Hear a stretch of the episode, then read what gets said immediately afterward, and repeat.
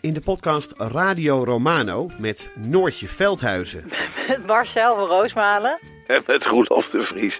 brengen we alle drie elke week een zogenaamde signalering mee. Wat heb jij nou weer bij je? En aan het eind bepalen we wie de winnaar van de week is. Echt een angstcultuur Lege huls die je er bent? Ja, dat gaat eigenlijk altijd onvriendelijk. Luister nu naar Radio Romano bij Podimo.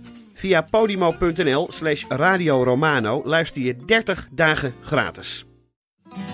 Kijk, het gesprek begon ogenschijnlijk over het onrecht dat mensen wordt aangedaan als er zo'n vernietigende recensie wordt geschreven. En wat dat met mensen doet. Ja. Daar leek het gesprek over te gaan. Maar gaandeweg, en dat is dankzij goed redactiewerk van mijn eh, redacteur destijds, blijkt dat die test niet deugt. Via podimo.nl slash gonzo luister je de eerste 30 dagen gratis naar Podimo. podimo.nl slash gonzo. Nou, wat ik als probleem van de Nederlandse eh, politiek op het moment zie, is er steeds een, kleiner deel van het parlement, van de fracties, bereid om verantwoordelijkheid te overnemen. Om, bereid te zijn te zeggen: ik, ik, ik reageer en ik weet dat het vaak bedoelt meer kritiek. Want wie iets doet in een moderne democratie, die wordt meer, veel meer kritiseerd. Op een bepaald moment moet je zeggen: oké, misschien is het dan toch eh, nodig een minderheid, eh, minderheidsregering te hebben. Want eh, dat moet je dan ook aan andere partijen laten voelen. Beste mensen, als jullie niet willen meedoen, als jullie te lang discussiëren, ehm, dan, dan gaan we kijken waar we de meerderheden vinden. Dit is Betrouwbare Bronnen met Jaap Jansen.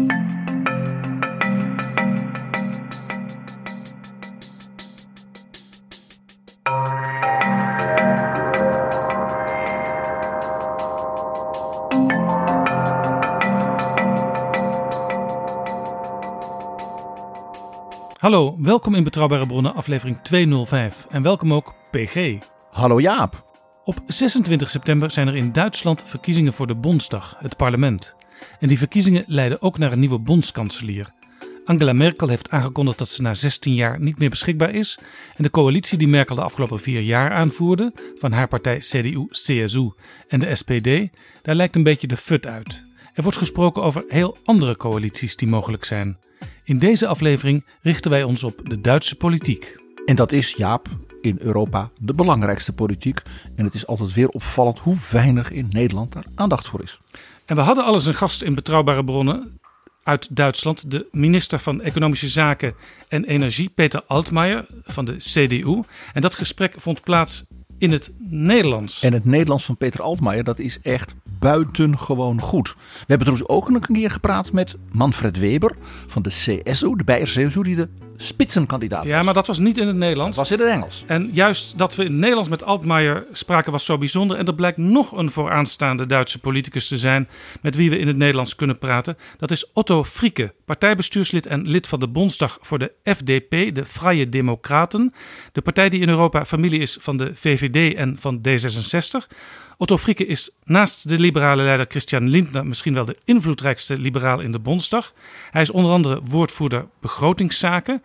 Hartelijk welkom in Betrouwbare Bronnen, Otto Frieke. Ja, groetjes vanuit, eh, ja, ik moet nu zeggen Noorwegen naar, naar Nederland, maar normaal van, vanuit Duitsland, Berlijn of Krefeld, waar ik vandaan kom.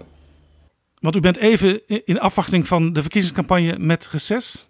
Ja, het parlement is met reces sindsdien eh, eind juni. We hebben nog eh, begin eh, september, 7 september, hebben we nog een, een drie uurtjes debat. Dat is ook een beetje wat een soort van verkiezingsdebat in de plenaire zaal. Want wij hebben nog een echte originele plenaire zaal, anders dan in Nederland. En, ja, en dan eh 26 september zijn dan de verkiezingen. Ja, en dan duurt het een beetje, ik hoop niet zo lang als in Nederland, om dan een nieuwe regering te vinden. Dit is Betrouwbare Bronnen. U komt uit Krefeld in Noord-Rijn-Westfalen. Dat ligt 48 kilometer vanaf Venlo. Is die nabijheid bij Nederland, is dat ook de reden dat u Nederlands spreekt? Ja, zeker ook. Eh, Er zijn twee redenen. Die, die ene is die nabijheid. En dat is, eh, kijk eens, ik ben nu 55. En eh, dus mag ik aan die twee heren zeggen. U herinnert nog toen we alleen maar ja, twee of drie programma's hadden. En in Duitsland bedoelde dat ARD, ZDF en WDR. Maar dan was er nog Nederland 1 en Nederland 2. En als nieuwsgierig mens. Eh, die uh, geïnteresseerd is ook uh, in, in, in Amerikaanse filmpjes uh, die om de tijd zijn, had ik dan heel snel gesnapt dat ik bepaalde dingen ook daar had kunnen zien. En daarna heb ik dan vaak, en nu mag er een glimlach zijn, naar Bassie en Adriaan gekeken. En daardoor nou natuurlijk ook een beetje gesnapt hoe het Nederlands functioneert. En het tweede is, ja, mijn ouders waren, mijn vader was, mijn moeder is nog met 83 advocaat. En die konden voor vakantie ja, niet zo ver weg. Want naar het weekend moesten tenminste eind naar het kantoor. En dat bedoelde, bij ons uh, eerst Egmond aan Zee, later dan Scheveningen en Kijkduin. Dus het, uh, het Hotel Atlantic. En, ja, en daardoor ja, dan een beetje Nederlands. Niet zo goed als Peter Altmaier, maar oefenen is mogelijk. En keek u toen uh, u naar de Nederlandse televisie keek, behalve naar Bassie en Adriaan en naar Amerikaanse films, ook wel naar het uh, televisiejournaal. En zag u toen ja. de Nederlandse politiek en wat dacht u toen over hoe de Nederlandse politiek functioneert? Ja, dat, dat gebeurde vaak. Daar had je daar ergens een, een Amerikaans filmpje gezien. En dan dacht je, ja, oké, wat gebeurt nu? En dan kwam nieuws. En dan heb je gekeken en heb gezegd, oké, bepaalde dingen eh, worden er anders opgelost. Die discussie is anders. Uh, laten we eens kijken hoe dat gebeurt. En ja, dan weet je ook, uh, hoe ouder je wordt, begin je dan ook te vergelijken welke soort van politiek is er, welke richting. En ik vond het heel interessant, speciaal tijdens de Duitse herveiniging uh, te kijken. Ja, bij ons in Duitsland iedereen van, oh, voorzichtig, we gaan te ver rechts, we worden te groot, te sterk. En, en, en anderen weer van, nee, nu is het de tijd. En dan kijk je naar Nederlands tv en dan kun je dan zien van, hey, is het niet mooi dat die twee landen weer kunnen samengaan? Maar dan moeten we ook kijken wat dat voor Europa bedoelt en, en waar zitten we daar? En is Kool dan de juiste man om dit land in die richting te brengen? Dus een andere manier. En dat is... Uh, vond ik tenminste iets wat heel goed was. Niet alleen maar um, op Duits zeg je naar je eigen um, bouwgenade te kijken uh, uh, wat er is. Maar beter naar het buitenland ook. Ja, er was overigens in die tijd, 1989, ook nog wel wat twijfel van uit Nederland uh, over die Duitse oh, eenwording. Ja. ja. die was er. En, en, en ik snapte het niet in het begin. Maar dat is ook iets in de, in de relatie tussen Duitsland en Nederland. We zijn ja, buurlanden, maar we kijken veel te vaak naar, uh, uh, alleen maar naar dat wat is gebeurd in de tijd tijdens de Tweede Wereldoorlog. ik, ik, ik heb heel laat gesnapt dat voor heel veel Nederlanders de Oosten eens begon in Duitsland, aan de, aan de Nederlands-Duitse grens. Eh, want ik dacht voor mezelf, ja, ik, ik ben een Westernaar, ik ben zelfs binnen Duitsland, ik, ik noem het altijd ultravessie, dus iemand uit het Rijnland die heel, zichzelf heel internationaal ziet, met de Fransen die er waren. We waren ook enkele jaren Frankrijk, eh, met Nederlands die er waren, eh, met Amerikanen die er waren, zelfs met.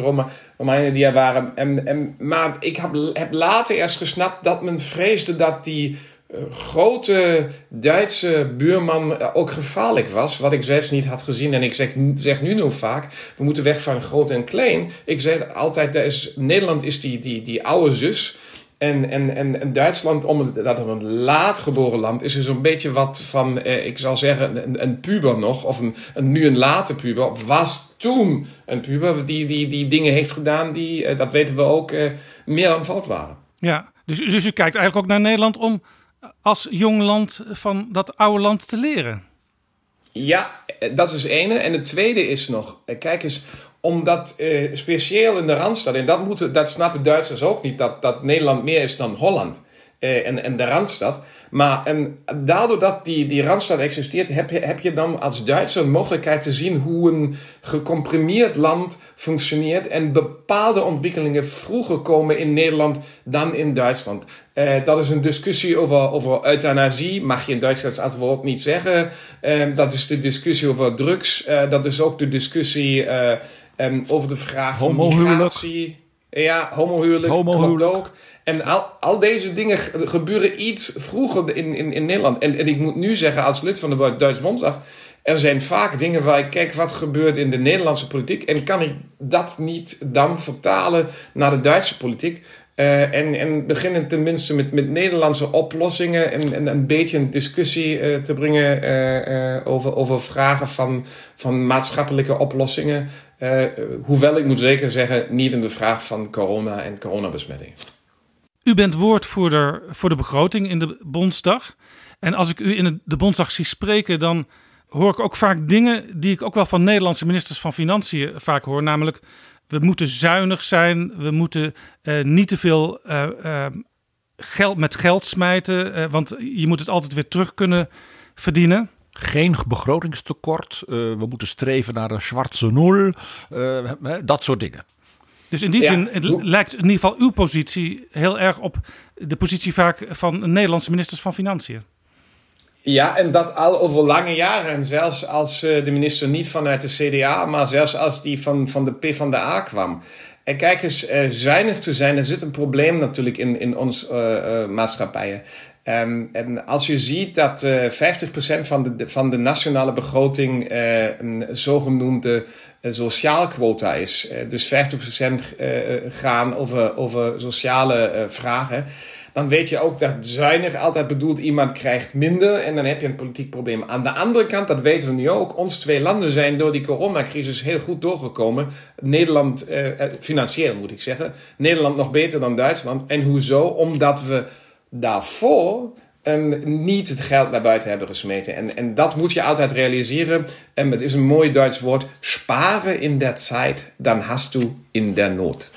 Ja, dat is heel mooi. En dat is dat hele idee ook natuurlijk dat je buffers moet hebben voor uh, a rainy day. Zoals de Engelsen dat zo mooi zeggen.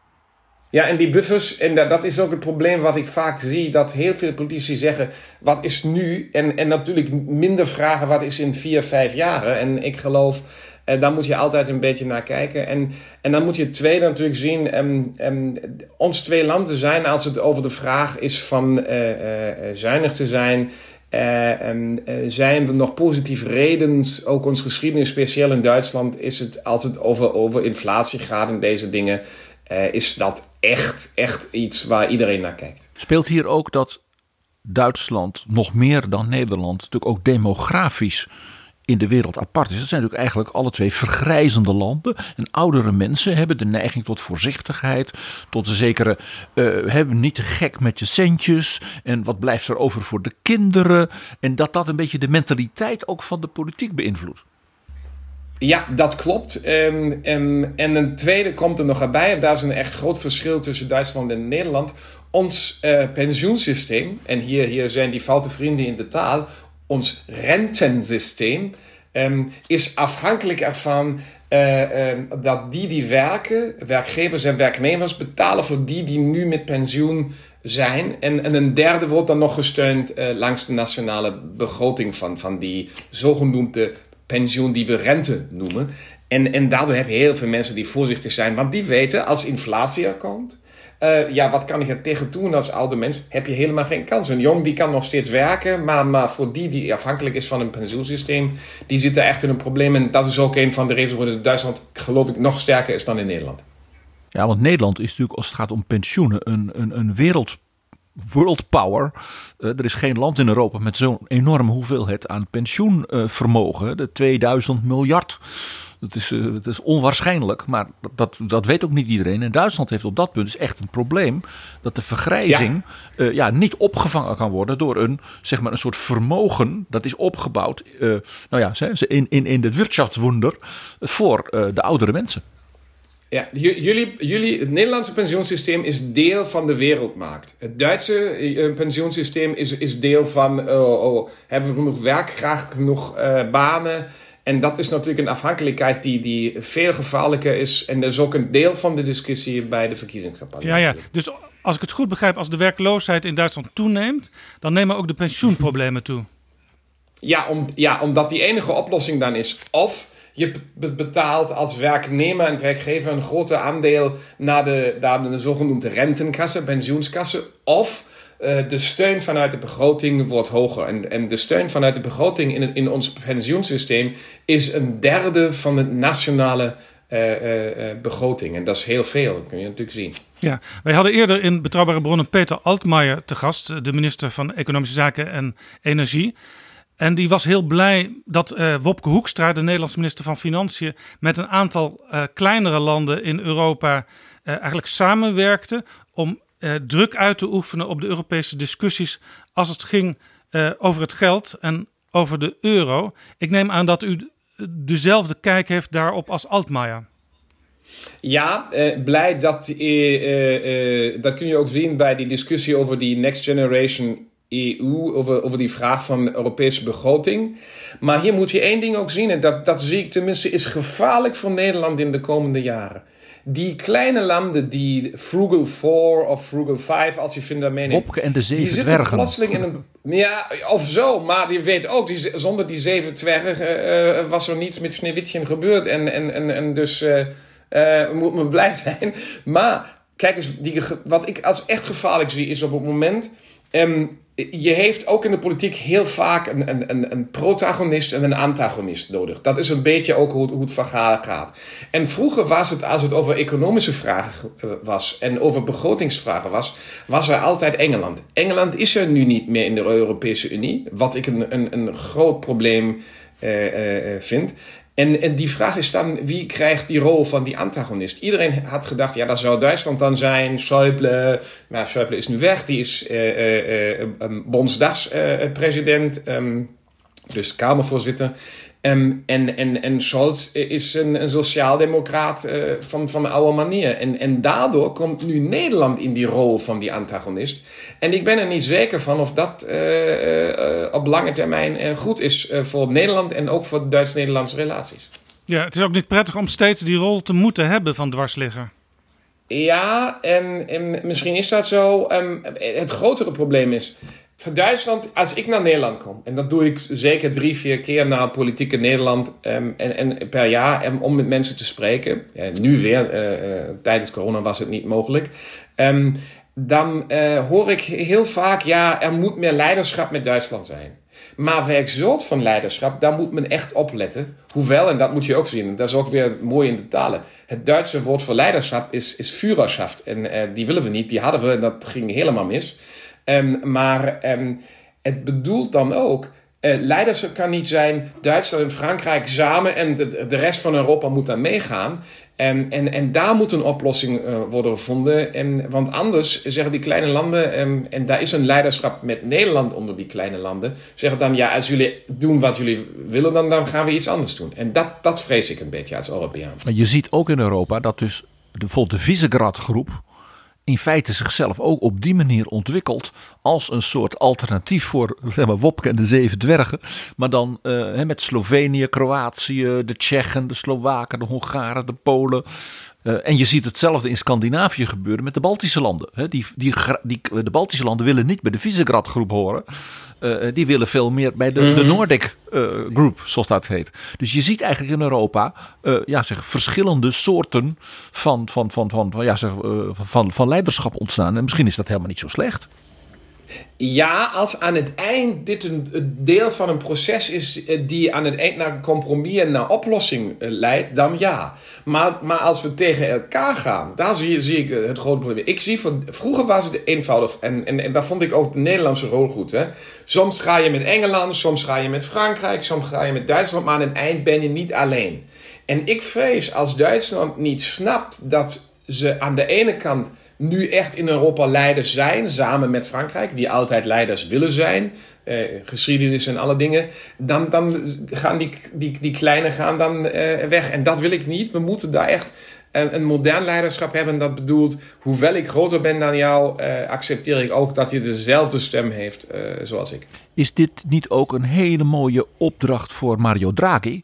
Die natuurlijk met een enorm ook politiek, moreel en financieel gezag natuurlijk nu dat hele grote Italië, want dat wordt vaak vergeten hoe groot Italië is economisch, aan het lijden is. Het, het, het, zou een opdracht zijn, maar ik vrees dat Draghi met al die problemen in Italië te veel nog naar het binnenland moet kijken om langer dan 1, 2 jaar leider van Italië te blijven. Um, maar aan de andere kant juist, er kan een derde kracht weer, weer, weer ontstaan. Um, maar eerlijk, dan moeten ook hervormingen komen die meer zijn dan alleen maar hervormingen langs digitalisering en, en, en, en, en uh, uh, uh, milieu. anders, anders werkt het niet met Italië. Nee, dus ook de, de Italiaanse economie en het financiële systeem moet echt veranderen. En de overheid. Ja, ik geloof ja, maar ik geloof er is iets anders achter. Namelijk de relatie tussen de, de, de inwoners van Italië en de overheid. die Italianen moeten dat snappen dat Italië eh, een land is dat alleen maar werkt als de mensen achter het land staan en niet uh, kijken waar krijg ik mijn deel van mee uh, van het land. Daar, daar zit het groot probleem van Italië. Noorden en zuiden van Italië. Ja, want als je met enige afstand naar Italië kijkt, is het natuurlijk een land met een enorme, ook economische, culturele potentie. en het is niet voor niks de, de nummer drie van de economie in Europa. Ja. het is even, een even groot BBP als Rusland van Poetin. Dat weet bijna niemand. Maar Italië is dus een ongelooflijk rijk land in allerlei opzichten. Maar ja, uh, wat u net zegt, dat komt er al door niet uit.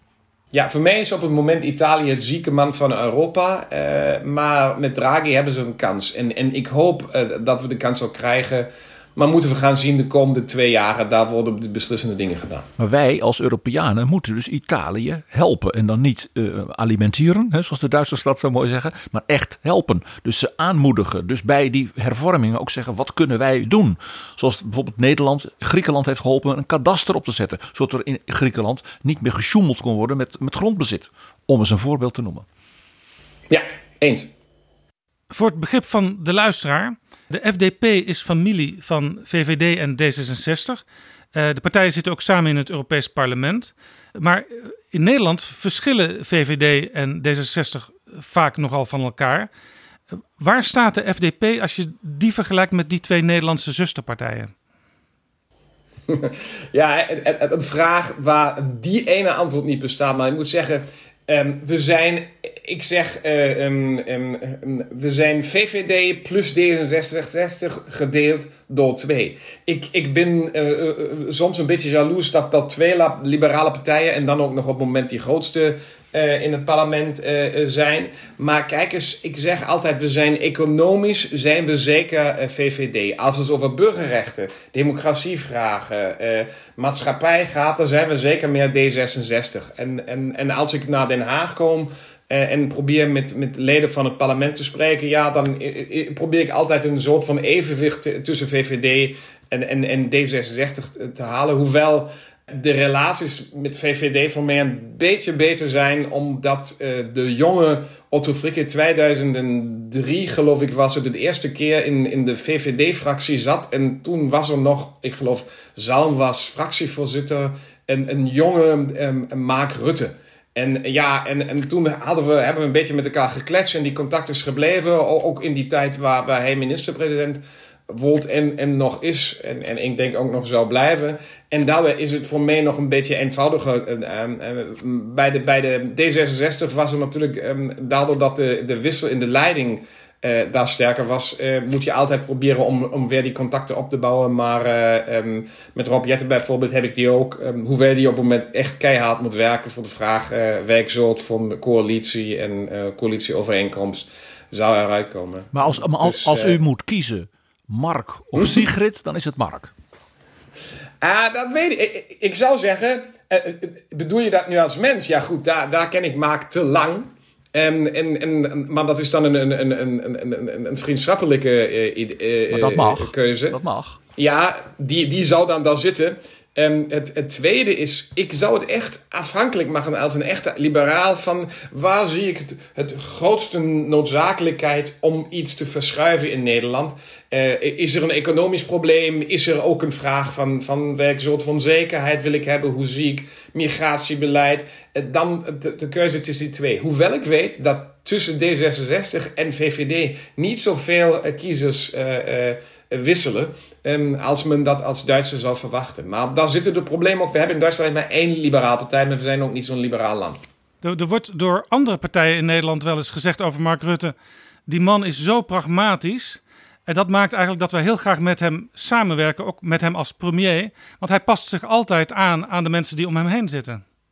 Ja, dat doet hij zeker wel. Maar is dat niet ook dat wat je, wat je tenminste wil van een leider? Dat je hij kan luisteren Zeker niet, op Duits zeg je dat mooie nach dem Munde reden. Niet zegt wat je, wat je wilt, wilt horen, maar eh, aan de andere kant, en dat is belangrijk, en dat, dat, dat geloof ik, dat missen we zo'n beetje over democratie. Aan de ene kant luisteren en het beroemde beste mensen, ik wil ba ba ba ba ba. Maar aan de andere kant dan ook in positie te zijn om een beslissing te doen. Leiderschap. En ik geloof, en dat is ook tussen die verkiezingen van Nederland en Duitsland. Voor mij was echt interessant te zien dat die twee lijsttrekkers die het beste beeld van leiderschap hadden, Sigrid Kaag en, en, en Mark Rutte, dat die echt omhoog zijn gegaan. Uh, um, speciaal met Sigrid Kaag, waar men dat niet had verwacht. En ik geloof dat hetzelfde zou ook bij de verkiezingscampagne nog in Duitsland gebeuren. Te kijken wie is aan het eind uh, een, een, een, een goede, een just leader, een, een juiste leider. Ja, hoe, hoe, kijkt u naar de versplintering in de Nederlandse politiek? Er zijn straks 19 fracties in de Tweede Kamer. Ja, en we weten niet of er morgen niet 20 zijn, omdat er, dat er weer iemand van, van de CDA-fractie weggaat. Of uh, uh, van Forum voor Democratie. Um, ik, kijk eens, we hebben in Duitsland uh, hebben we de kiesdrempel van 5%. Dus zou je zeggen, voor het Nederlands parlement zou dat dan, dan zeven zetels of, of acht zetels zijn. Nederland heeft een kiesdrempel van 0,66%, dus, dus één zetel. En is dat goed? Eh, nou, als buitenlander te zeggen hoe een langstaande democratie werkt of niet, poeh, voorzichtig. Maar ik moet eerlijk zijn, ik geloof dat een fractie beneden de drie niet kan werken. Dat, daar, daar, ben ik, daar denk ik, dan krijg je een, een one-issue partij die alleen maar, kijk, mijn ideeën die moeten doorgaan in, in dit bepaald gebied. Die andere dingen kunnen anderen dan doen. Ja, maar aan wie laat je dan uh, de belangrijke dingen over? Dus daar ben ik persoonlijk voor, maar, maar het is een, een keuze die, die Nederland moet doen. Aan de andere kant, een, een lage kiesdrempel zorgt natuurlijk ervoor ook dat bepaalde themata binnen het parlement snel komen en, en, en, en, en eh, ja, hoe zou ik zeggen? Dat is een eh, mythe. Ja, kijk eens, ik, ik, ik ben er ook niet zeker van. Maar wat ik belangrijk verschil tussen Duitse en Nederlandse politiek vind is. Um, je heeft aan het eind ook aan de rechterkant partijen die ontstaan, zoals PVV, Forum voor Democratie. Dat heb je in Duitsland ook, maar veel lager, later. En veel, ja, ik zou ook zeggen extremer dan, omdat te lang men buiten de, de parlementaire discussie zat en daarna met steeds extremere posities kwam. Uh, nu als ik naar Forum voor Democratie kijk, uh, dan zie je natuurlijk kan ook gebeuren dat je in het parlement zit en dan wordt het steeds extremer. Dat geldt ook voor de PVV hoor. Is het dat? Ja, ja. Nee, ik, ik, Jaaps weet het en ik denk onze luisteraars ook wel dat ik een groot bewonderaar ben van het Duitse kiesstelsel met de eerststimmen en zweitstimmen. Uh, ja. Want daarmee bouw je en die band met de kiezer in districten, hè, zoals u dat ook heeft uh, in Krefeld. Ja. Uh, hè, want u bent hè, trots van Krawattenstad Krefeld.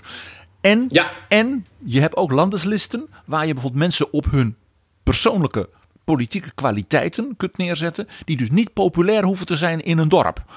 En die combinatie is dus heel sterk. Ja, die combinatie is een goede oplossing. Hoewel um, de Duitse kiezer te vaak zegt: ik kies met mijn eerste stem in een kieskring dus de mens van dezelfde partij als voor die belangrijkere uh, tweede stem. Uh, um, en daar, daar zeg ik vaak, beste mensen, als jullie uh, echt individuen willen hebben die, die, die naar, naar, naar Berlijn gaan, dan kijk bij de eerste stem niet zozeer naar de partij, maar naar die mens. En dan heb je die kans dat je een ander soort van politici krijgt. En, en uh, ja, goed, die oplossing in Nederland is bijvoorbeeld als je naar BBB kijkt, eh, dan heb je dan ook bepaalde mensen die je van een regio krijgt. Maar op een hele andere manier. En ik ben niet zeker of het na, aan, aan het einde een stabiliteit voor een regering is. En het laatste is dan die coalities in, in Nederland worden steeds groter. Ik geloof in Duitsland na de verkiezing misschien ook. Maar als, te veel partijen er zijn, dan gaat die um, trias politica gaat die kracht weg van het parlement. Dat debatteert dan, doet spoeddebatten, maar doet geen wetgeving meer. Die wetgeving blijft dan um, bij de regering. Um, en dat is uh, aan het eind geen goede oplossing. Nou ja, het, het, maakt de ambtenarij van de regering machtiger. In plaats ja, van minder machtig. Men denkt dat de ambtenarij, het bureaucratisch proces, uh, ook Brussel, hè, dat dat minder machtig wordt doordat men dat soort partijen stemt. En het omgekeerde is het geval. Helemaal eens. Die, die 5% kiesdrempel in Duitsland, die uh, volgens u in het algemeen goed werkt, die heeft natuurlijk wel één keer heel nadelig voor de FDP zelf uh, uitgewerkt. In 2013 verdween u uit de Bondsdag omdat u net onder die 5% bleef hangen. Ja, Ja, dat was een van, uh, politiek gezien, een van de donkerste dagen van mijn leven. Want uh, um, zondags uh, denk je nog morgens, ja oké, goed, wordt niet zo'n goed verkiezingsuitslag. Maar je bent zeker, je heeft een zeker zetel op die lijst.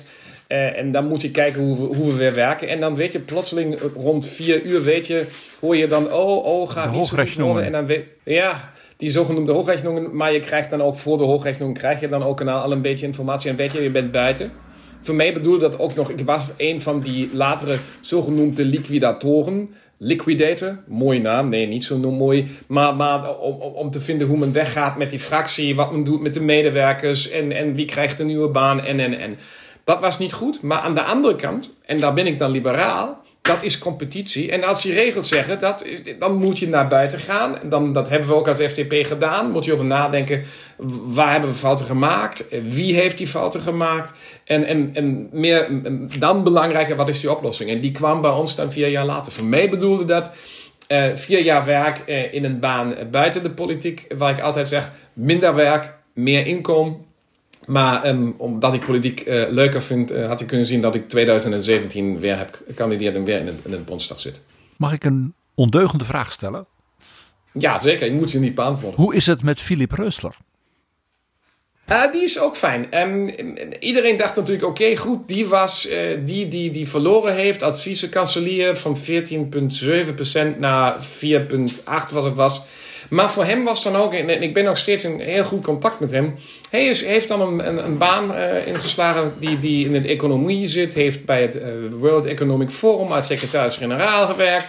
Is, zit nu in, in, in, in, heel veel uh, grote bedrijven in het zogenoemde Aufsichtsraad. En Raad van Toezicht. Um, en, nee, die, die is fijn, leeft nu in Zwitserland, maar, maar misschien leeft hij ook in enkele jaren in New York of, of gaat iets ergens in Duitsland doen. En, maar dat is ook, dat is ook politiek. Um, normaal staan die politici in Duitsland langer in het parlement um, en langer in de politiek dan in Nederland. Um, ik bijvoorbeeld zou uh, komende legislatuur, als ik binnenkom, ik heb een echt goede lijstplaats, zou ik de langstaande politicus van de FDP in het parlement zijn. omdat ik 2002 de eerste keer lid word. En uh, ja, dat, dat vind je in, in Nederland niet zo vaak. Hè? In, in, wat heb je daar? In, in, in de VVD kan ik dat zien. Daar heb je Mark Rutte, dan heb je Mark, Mark en dan ja, en dan is er, is er niemand meer die, die langer dan, uh, ja, acht jaar misschien. Ik geloof, Aukje heeft acht jaar uh, en is nu in, in de jaren uh, 9 tot 12.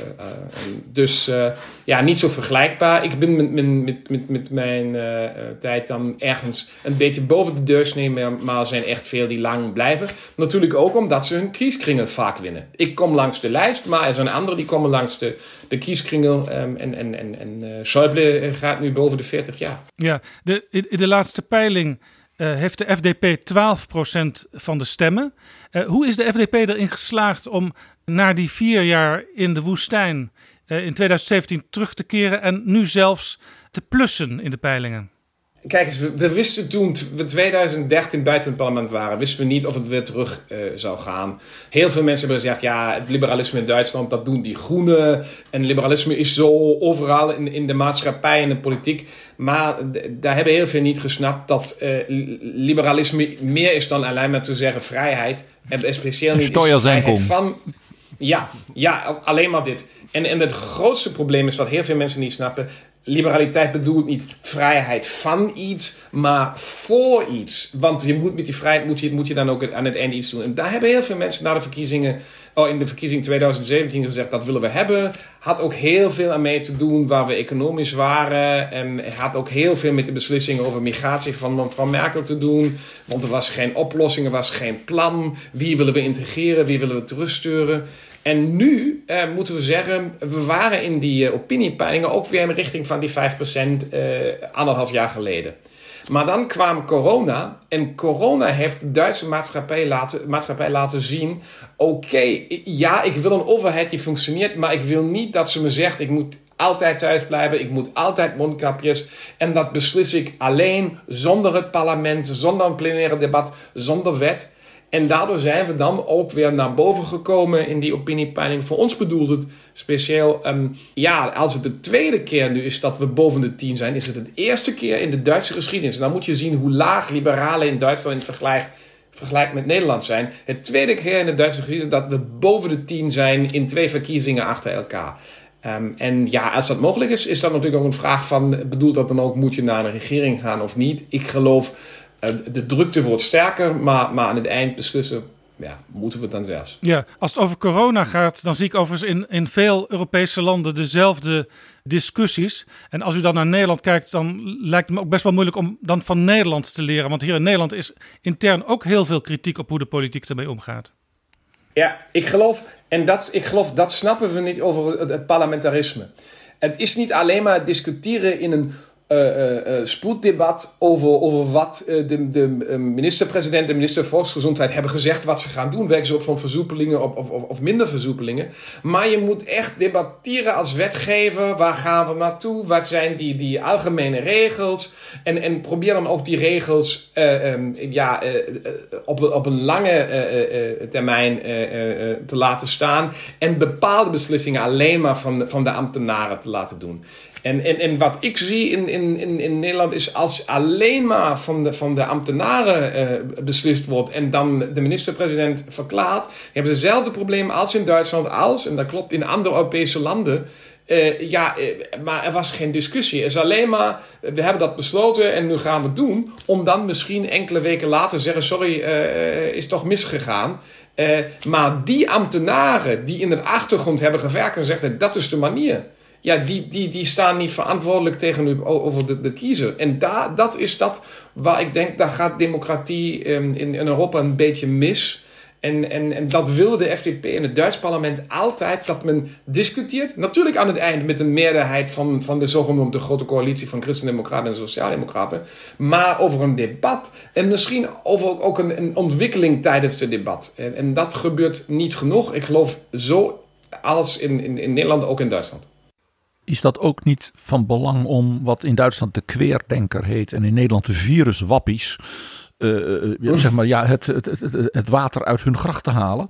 Uh, ja. Want die kunnen dus ook straffeloos, ook in de media, van alles roepen. Want hun mening mag toch ook gehoord worden. Terwijl het natuurlijk gewoon levensgevaarlijk ja, is. Daar zit een probleem. Want je, ja, en, en, en, en het gevaarlijke is ook dat die, die querdenker die aan de, aan, de, aan, de, aan de rechterkant zijn, vaak ook samenwerken met, met bepaalde mensen aan de extreem linkse kant.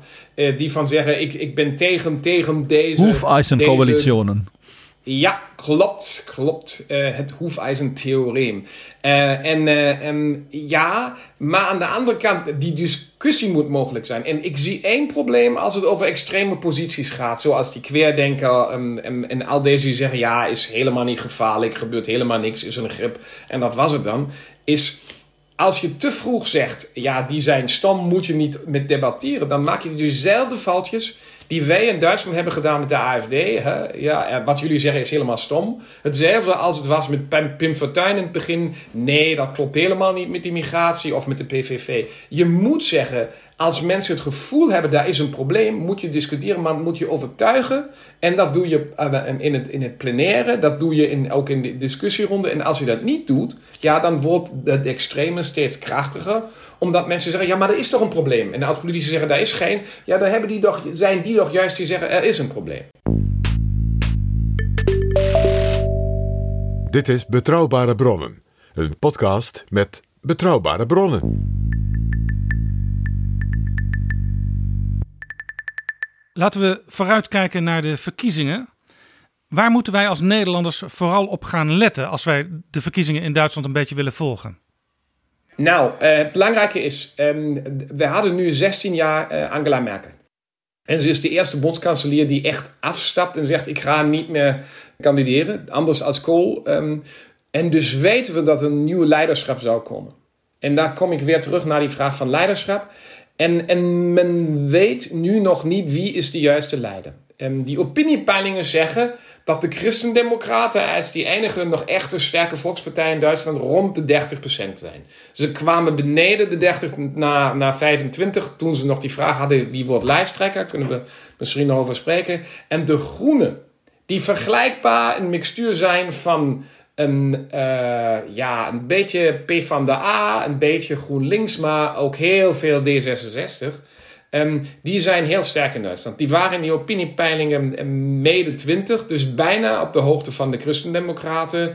Uh, zijn nu in de peilingen 20, 19, 18 procent. En, en, er was die vraag of er niet een groen uh, bondskanselier zou komen, omdat die derde grootste partij, de Sociaaldemocraten, ik geloof aan het einde het feit uh, zullen volgen van de PvdA in, in, in Nederland.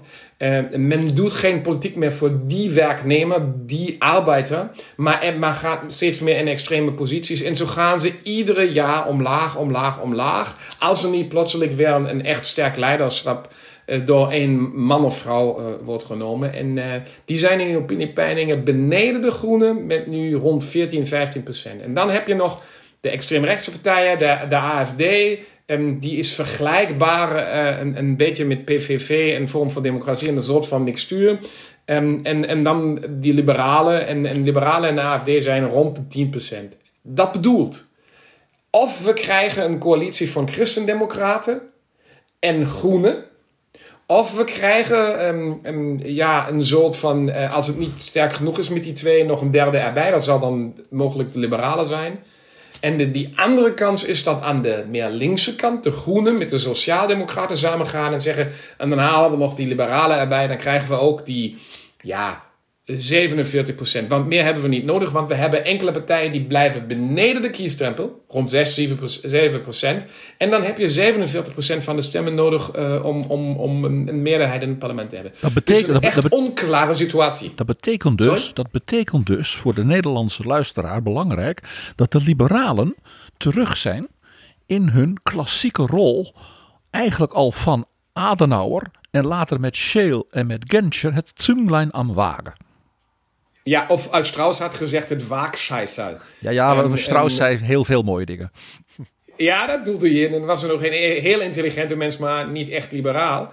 En dus ja, we zitten daar een beetje in die positie. De Groenen natuurlijk ook. Want voor die is ook die vraag. Ga ik in een coalitie uh, uh, met uh, de Christendemocraten? Of probeer ik met een, een, een, een, groene kanselier. Mevrouw Baerbock is de lijsttrekker, als je zo wilt zeggen. Spitsenkandidaat heet dat bij ons. En is het dan niet beter te zeggen: ik probeer echt een, een groene kanselier te hebben met de Sociaaldemocraten en de Liberalen als coalitiepartners? Maar dat kan alleen als de Liberalen kiezen. Dat klopt, want dan moeten de, wij liberalen dan weer kiezen en zeggen: ja, wat, wat, wat is dan voor ons belang? En dat is het één probleem voor liberalen. Men verwacht aan het eind van liberalen altijd een soort pragmatisme. Hè? Ja, we weten, jullie hebben ook jullie idealen, maar we willen toch, jullie willen toch reageren en, en deel van de, van de macht zijn om, om, om, om daar ook invloed te nemen. En daar zit het probleem voor de liberalen in Duitsland. We hebben 2017, toen we weer binnen het parlement kwamen, hadden we ook de kans om een zogenoemde Jamaica-coalitie te doen. Dus de, kleuren van de vlag, dus zwart, uh, christendemocraten, groen voor de groenen en, en geel dan voor ons. Maar toen was, uh, hebben wij dan aan het eind gezegd, nee, gaan we niet doen, is voor ons niet goed. Ik zeg altijd, um, uh, we, het aangebod was echt slecht van, ja, uh, Groenen en, en, en Christendemocraten zijn eens, doe eens mee. Ja, wat blijft dan voor ons werksoort van politiek? En toen heeft ons leider, die nog steeds leider en lijsttrekker is, Christian Linter gezegd, um, beter niet regeren als slecht regeren.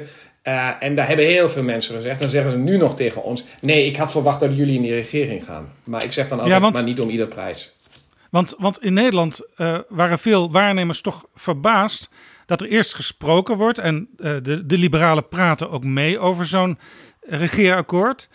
En dan sta, liggen daar 62 pagina's. En dan zegt de FDP ineens: Nee, dat is eigenlijk voor, voor ons in Nederland nog steeds niet duidelijk waarom precies nee is gezegd. De argumenten waren vaag.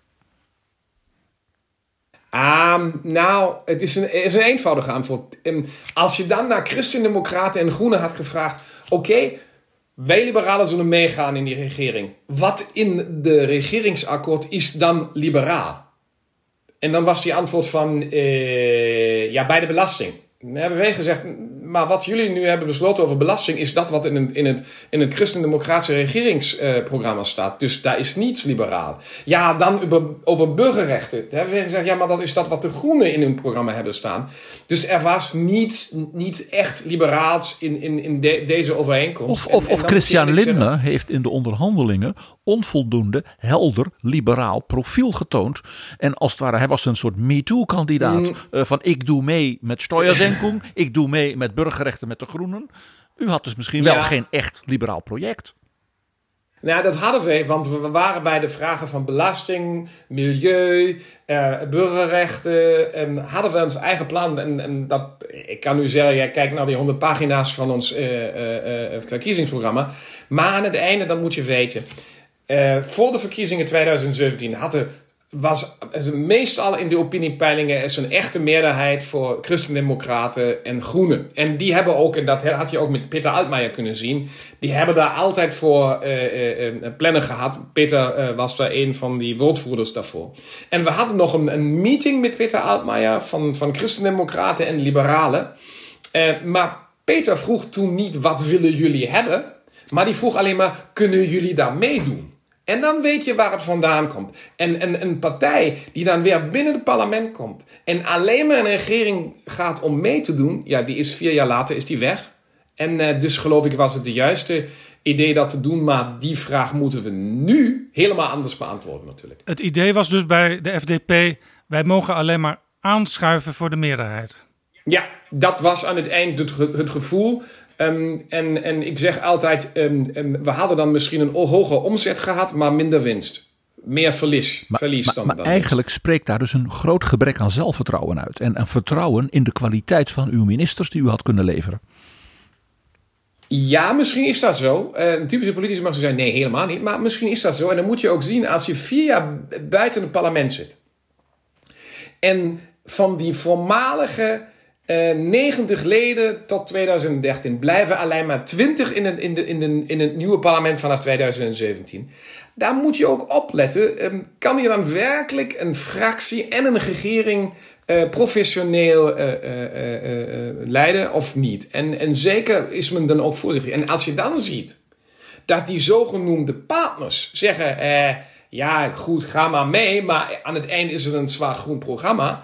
Dan ben je twee keer zo voorzichtig. En, en ja, het resultaat is dan ook fijn. Als je nu naar, naar de opiniepeilingen kijkt en of het werkelijk goed is of niet, dat weten we.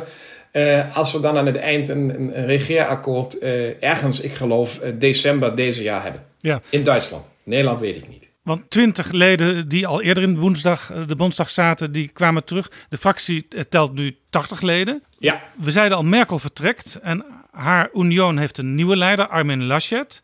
En hij neemt het in de strijd om het bondskanselierschap op tegen onder andere Annalena Baerbock van de Groenen en Olaf Scholz van de SPD. Heeft de FDP eigenlijk een kandidaat? Nee, dat hebben we niet gedaan. Daar is een beetje verschil tussen Duitsland en Nederland. Eh, in Nederland is altijd een lijsttrekker omdat er altijd een nationale lijst is. Die hebben we in Duitsland niet. We hebben een, een, een, lijsten naar, naar. Provincies mag je zeggen, maar naar Bundesländer. Maar we besluiten dan wie ons spitsenkandidaat is. Twee. Um, wie kanselierskandidaat wordt, hebben we eens gedaan met Guido Westerwelle. Was niet zo'n goed idee aan het eind. Um, want er moet een, moet een realistische kans zijn om, om kanselier te worden. En dus hebben we dat niet gedaan. Het een beetje, is ook een beetje wat te veel. Uh, want uh, de realiteit dat, er, dat de, daar een liberaal uh, kanselier is, die is er niet. En dan moet je dat ook niet doen. De Groenen hebben nog steeds die idee. Als je nu naar die opiniepeilingen kijkt. Ja, dan is het ook mogelijk nog. Um, maar um, nou, ik verwacht aan het eind, eh, eh, of ik ben helemaal, bijna helemaal zeker dat het aan het eind uh, Armin Laschet wordt, um, met wie die we als liberalen overigens, is een vrouw vraag ook van vertrouwen, sinds 2017 in Noord-Westfalen, 18 miljoen inwoners, heel goed in een, in een twee-partijen-coalitie samenwerken. Ja, want u komt uit Noord-Rijn-Westfalen en uw uh, spitsenkandidaat Christian Lindner ook. Ja, Christian Lindner is die nummer 1 in, in de lijst in Noord-Westfalen. Maar we hebben dan ook nog een nationaal, hadden we ook nog een, een partijdag. En daar hebben we ook besloten dat hij ook ons um, uh, nationale uh, lijsttrekker is. Dat is geen echte wettelijke lijsttrekker, maar dat is dan wat wij noemen spitsenkandidaat. Maar niet kanselierskandidaat. dat hebben die andere drie partijen dan gedaan. Hoe dan ook, als Duitsland-historicus, want dat ben ik, kunnen we er natuurlijk niet omheen om dit moment even te markeren. Mevrouw Merkel vertrekt. En zoals u ook zegt, eigenlijk de eerste kansler in de Duitse geschiedenis van, na, van de democratische Duitsland. Die vrijwillig, ja, soeverein, zoals de Duitsers mooi zeggen, zeggen: het is mooi geweest.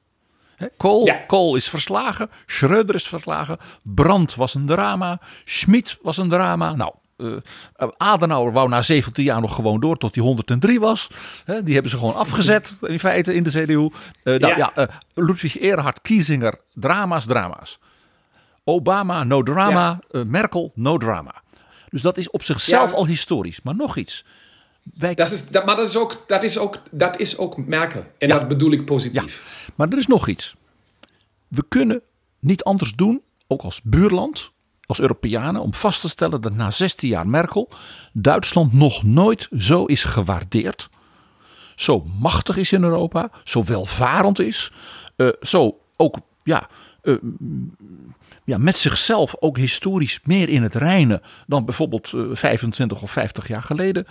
En dat Merkel dus vertrekt en eigenlijk iedereen, niet alleen in Duitsland, maar zeker buiten Duitsland, zegt: wat jammer, van ons mag ze nog 10 jaar blijven. Hoe ziet u dat als liberaal? Want u zat in de oppositie, maar eigenlijk uh, uh, ja, behoort u ook toch, neem ik aan, tot de mensen die zeggen: wij zijn mevrouw Merkel ongelooflijk veel dank verschuldigd. En u heeft vroeger natuurlijk ook enige tijd samen met Merkel geregeerd. Ja, en, en dus is ook mijn antwoord uh, in die 16 jaar heeft Merkel echt heel veel dingen heel goed gedaan. Natuurlijk fouten gemaakt zoals ieder mens. Dat moeten we, zeg ik altijd. Mensen maken fouten. Ja? Daarom zijn ze ook mensen. Mens. Ook daarom zijn we mensen. En, en, en dus ook politici en ook zeker iemand. Maar wat het, het, bijzondere bij Merkel is, en, en, en dat heb ik ook in die vier jaar um, uh, waar we in coalitie zaten, maar ook daarvoor, ik was toen uh, voorzitter van het begrotingscomité en ik ben nu nog uh, ja, in verantwoordelijkheid voor, voor, voor de begroting van de kanseliersambt, dus heb ik daar ook een beetje contacten. Ze, Merkel heeft geen, zeg je dat op Nederlands, geen ijdelheid. Uh, wat haar persoon uh, betreft. Zeker wat haar politiek betreft. En dat is een echt groot voordeel van haar. En als we kijken naar Europa en dat die mensen zeggen: ja, het had nog langer kunnen.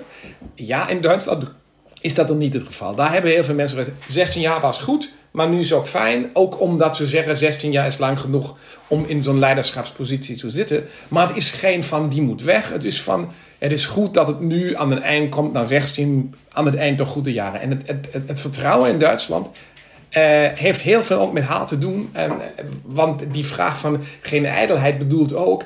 Ik weet wel dat ik de sterkste economisch ben in Europa, maar ik moet het niemand laten zien, ik moet het niemand laten voelen.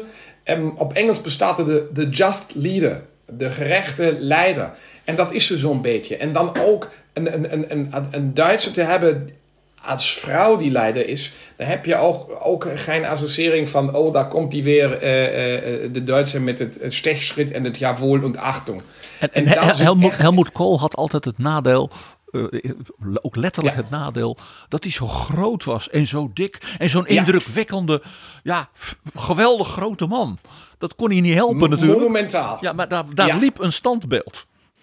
Ja, klopt. En, en Schröder was ook met zijn manier te, te spreken. En van hier kom ik en ja, ik ben. Uh, ja, natuurlijk, dat klopt. En, en, maar dan ben ik ook zeker dat dat met, met Laschet niet zou gebeuren, omdat hij een echt overtuigd Europeaan is. Hij komt vanuit Aken, dus, dus van de grens.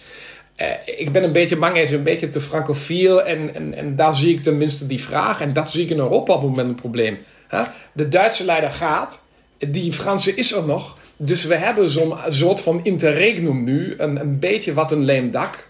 En, en dat de Fransen daar proberen om op Europees niveau uh, en, uh, uh, ook de stabiliteitspact en andere dingen, stabiliteitspact en andere dingen te, te verschuiven in een richting die ze mooi vinden. Dat is echt nog iets wat, wat in de komende weken en maanden ja, van belang zou zijn. Ja, Als u, als u één ding zou mogen noemen dat u zegt bij alle, zelfs wel ook bewondering voor mevrouw Merkel, op dit punt heeft ze gefaald. Wat zou dat zijn? Is dat de digitalisering van Duitsland?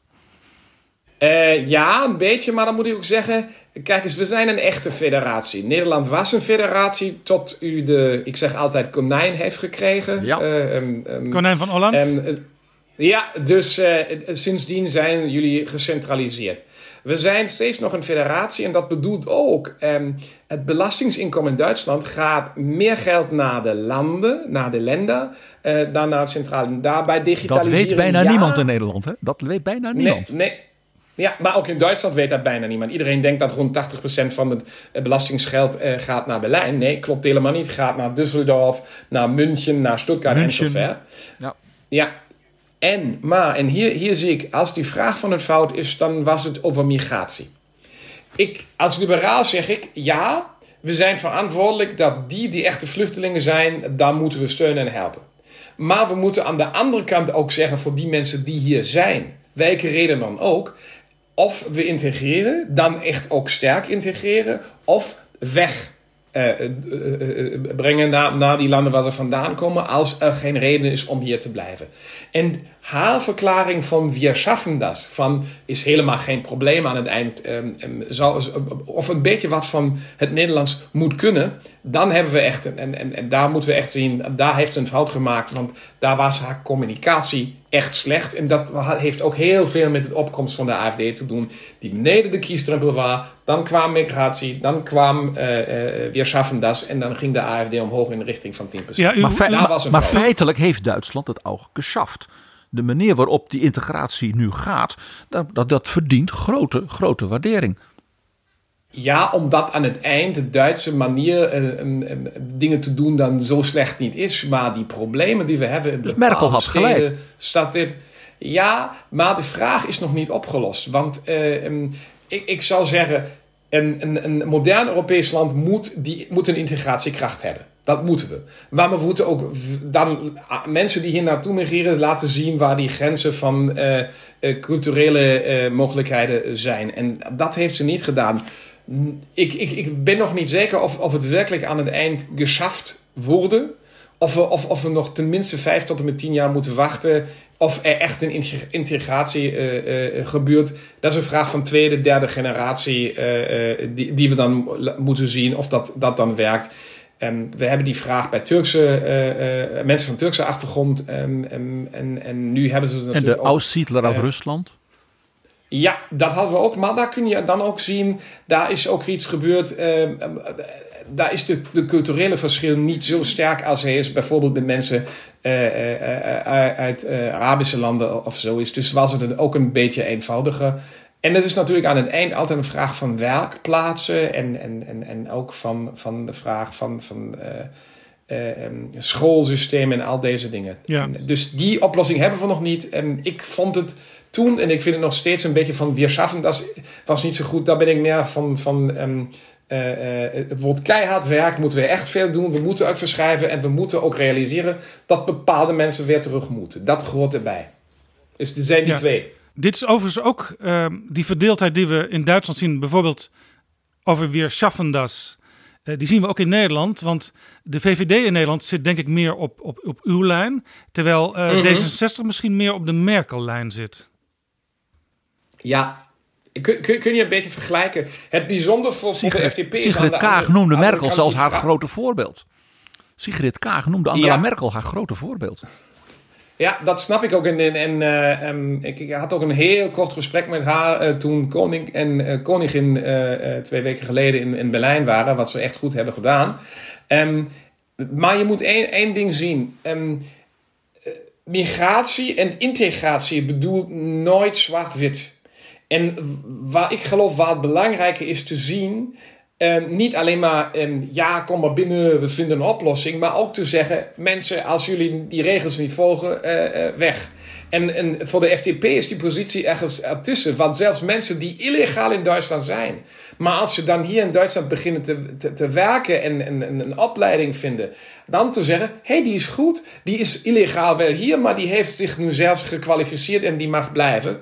Daar zit ergens die echte antwoord. Dus uh, is het Merkel, is het, uh, is het VVD, D66 niet zo zeker, ergens ertussen. Ja, ik, ik heb van uw spitsenkandidaat Christian Lindner begrepen dat hij zegt wij liberalen moeten bij de komende verkiezingen zo sterk worden uh, dat zwart-groen geen meerderheid heeft en dat groen-rood ook geen meerderheid heeft.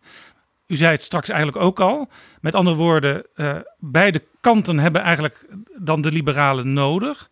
Maar hoe gaat u dan vervolgens, als u aan tafel zit om te onderhandelen, uh, voorkomen dat het weer zo eindigt als in 2017? Dat, dat u op het laatste moment zegt, nou ja, dit is toch slappe thee van ons, wij, wij doen niet mee.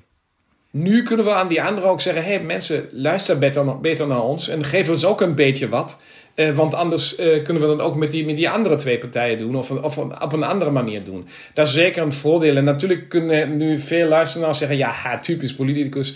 Die zegt nu: haha, uh, ik, ik, ik wil daar nog wat en daar nog wat aan. En zo anders doe ik iets anders. En, die heeft geen lijn. Maar aan het eind is een compromis bedoeld altijd: je weet ook dat andere dingen mogelijk zijn. En daar zit zeker de voordeel. En dus is die richting ook, ook geloof ik, een van die redenen hoezo we steeds nog in de opiniepeilingen zo hoog zijn. En misschien ook een kans hebben om hoger te komen. Het kan ook weer omlaag gaan omdat heel veel mensen zeggen: ik wil een pragmatisch liberaal partij in de regering, want anders wordt een zwart-groene wordt me toe te, te, te sociaal, te, te, te veel groen. Of een, uh, sociaal-democratisch groene coalitie wordt me soms niet economisch genoeg. dat is ons voordeel. Aan de andere kant moet je natuurlijk zien, bedoel dat voor een FDP ook, ja, die zogenoemde reine leren. Echt dat alleen maar te doen wat de FDP ook wil, dat gebeurt er nooit. Maar wordt u nou een Walter Scheel of wordt u een Hans-Dietrich Genscher? ik geloof, precies wat ik bedoel. Ik geloof aan het eind is dat een beslissing. Ik zit zelfs in het bestuur van de, van, van de FDP um, en ben penningmeester van de FDP in Noord-Westfalen. Als ik kijk naar die mensen die daar zitten, dan zeggen die: um, er is een grote tendentie in richting, richting zwaard-groen. Maar we weten ook, als die met ons hetzelfde speeltje spelen als 2017, dan kunnen we ook anders. En uh, ja, derde is, um, Christian Lindner is nu een langstaande leider van de partij. dat weet je zelfs. Um, zo iemand zou dan ook zeggen: Ik moet een positie voor mezelf vinden waar ik ook invloed heb. En dat is een, een, een belangrijke vraag. Dus geloof ik, het wordt niet minister van Buitenlandse Zaken, zoals Scheel of Genscher. Of Westerwelle. Maar het moet dan echt ja, of Westerwelle. Um, en ik vond het een fout dat hij uh, minister van, van Buitenlandse Zaken wordt. Speciaal omdat die invloed op Europees niveau laag was en, en in, in, op nationaal niveau ook niet meer zo hoog. Dus geloof ik de belangrijkste positie, zoals ook in Nederland, na de kanselier, na de minister-president, is de minister van Financiën. En natuurlijk, als dan Zwaard Groen zegt, ja, jij mag meedoen, maar je, je wordt niet minister van Financiën. En, en, en Zwaard Rood zou zeggen, je mag meedoen en je wordt ook minister van Financiën. Dan kan dat natuurlijk ook een, een beslissend moment zijn. Niet om, om die positie te hebben, maar om de invloed te nemen, te zeggen, nee, we gaan niet nog daar nog meer geld uitgeven. We blijven daar zuinig en we gaan dit of dat doen. Maar dat is dan iets dat zullen we zien in de, in de maanden oktober, november, december. Is dit trouwens ook een tip voor Sigrid Kaag? Want D66 mag straks als eerste een ministerschap kiezen nadat de VVD natuurlijk de minister-president al heeft uh, gekregen. Uh, moet D66 ook afzien, althans Sigrid Kaag, van buitenlandse zaken en bijvoorbeeld financiën claimen? Ik geloof wel. Aan het eind is politiek een vraag van macht. In het positieve natuurlijk een vraag van macht. En waar heb je macht? En dat weet je zelf. Ja, dat heb je aan het eind bij financiën. En dat heb je aan het eind bij die vraag wie doet die beslissingen. En in het Duitse kabinet heeft de minister van Financiën een soort vetorecht. Ik geloof het bestaat op bepaalde manier in het, in het Nederlands kabinet ook. En dus moet men deze positie. Of Sigrid dat zelf zal doen? Nou, daar, weet ik niet um, of ze dat wil. En, en, er zijn ook in Duitsland vaak die ideeën van een sterk fractievoorzitter. Um, maar daar moeten we eens zijn, dat is alleen maar eens gelukt met de VVD, uh, um, die een sterk fractievoorzitter had die niet binnen de regering wilde. Bolkestein. Maar anders is het.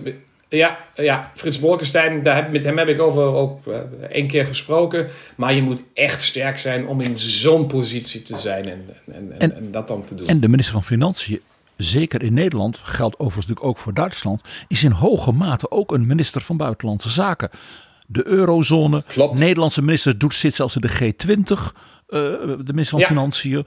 Uh, die heeft meer internationale en Europese agendapunten dan nationale vaak.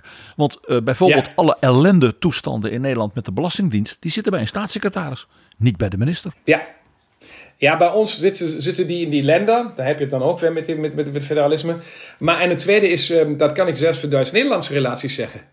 De minister van Financiën haalt uh, 100% van Tenet. Dus, uh, Zo is het maar. de, de, ja, dus eh, de, de, voor Duitsland de, de belangrijkste uh, elektriciteitsbedrijven. en, en ja, en dan moet je natuurlijk zien, ook dat is dan een, een belangrijke positie. Bent u voor of tegen Nord Stream? Uh, ik ben voor Nord Stream, want economisch zou ik zeggen, als ik heel veel aangebod heb, Nord Stream, de andere lijnen van het, van het oosten die komen langs Oekraïne en langs het zuiden, als ik LNG heb, als ik gas heb uh, uh, vanuit de Noordzee, vanuit Noorwegen, van Qatar en en.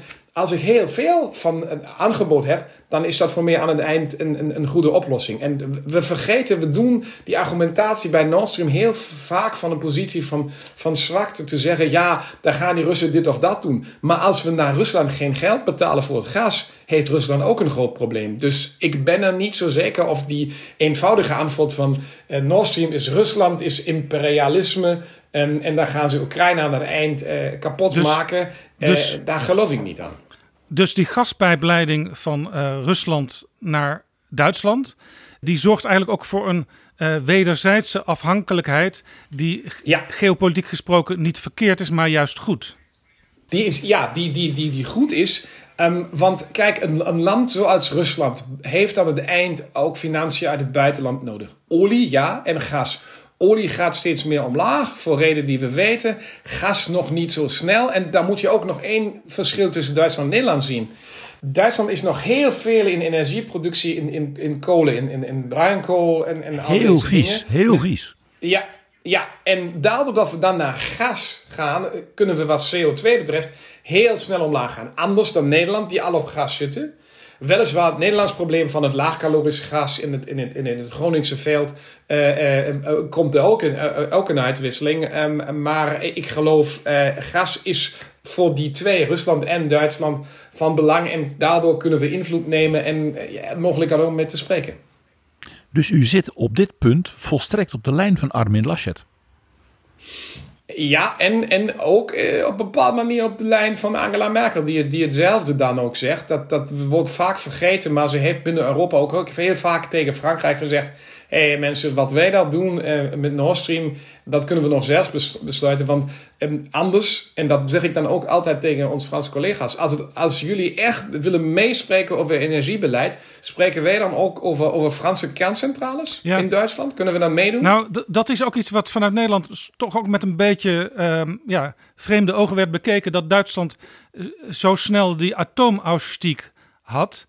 Ja. Eh, want in Nederland is af en toe een oplaaiende discussie: moeten wij toch ook niet weer een deel kernenergie gaan doen? Bijvoorbeeld eh, de nieuwe partij Volt, die, die, die vindt dat, die succesvol met drie zetels in de nieuwe Tweede Kamer is gekomen. Ja, en in de opiniepeilingen op, naar vijf tot zes zetels is gegaan. Dus Volt zit bij ons um, in enkele steden ook uh, uh, al in, in het, het, stedelijke parlement. Gaan ze de 5% um, halen? Nee, geloof ik niet. Zover zijn we in Duitsland daar nog niet. Uh, daar zit dan weer het verschil. In, in Nederland zit je dan binnen het, parlement, in, in Duitsland uh, nu nog niet. Misschien is er een kans. Maar terugkomend uh, naar de vraag van kerncentrales. Ik zat in het kanseliersambt toen we aan de regering waren met de Christen-Democraten en, en, en in dezelfde, aan dezelfde tafel als mevrouw Merkel, meneer Reusler. En toen we hebben besloten buiten te stappen. En dat was, en toen begon, ik herinner me nog, Philip Reusler zei, maar mevrouw Merkel Kunnen we niet een beetje langzamer, voorzichtiger en zijn we dan zeker dat het de juiste oplossing is? Want we hebben toch de CO2-problemen ook nog. En Merkel zegt toen, ja maar kijk naar die opiniepeilingen. 82% van Duitsers willen zo snel als mogelijk eruit. En daar zit het verschil tussen die twee landen. Daar hebben we weer het, het, Nederlandse moet kunnen, het, pragmatisme. De Duitsers zijn bang. En hun, hun, hun romantische zeel zegt, ah, weg, weg van, veel te gevaarlijk. En, en ja, jullie discussiëren of er in Bosselen nog, nog, nog, nog, nog een kerncentrale zou komen.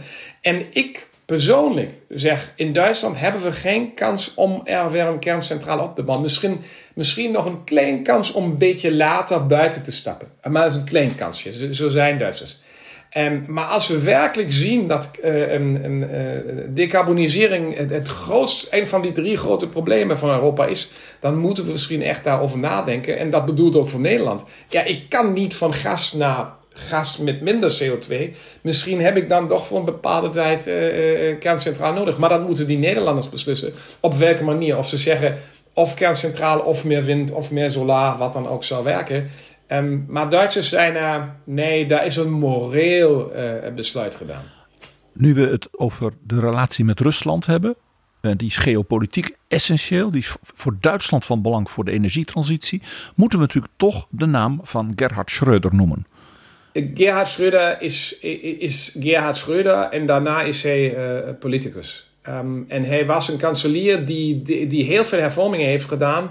Hervormingen door die die economische positie van Duitsland weer goed wordt. Want herinner je, begin 2000 was uh, Duitsland uh, de, de, de zwakke man van Europa. Uh, en die hervorming die hij heeft gedaan, haatsreform en, en andere, die leidden ertoe dat, dat Merkel economisch altijd, ja goed, finanscrisis, maar altijd toch in een goede positie zat.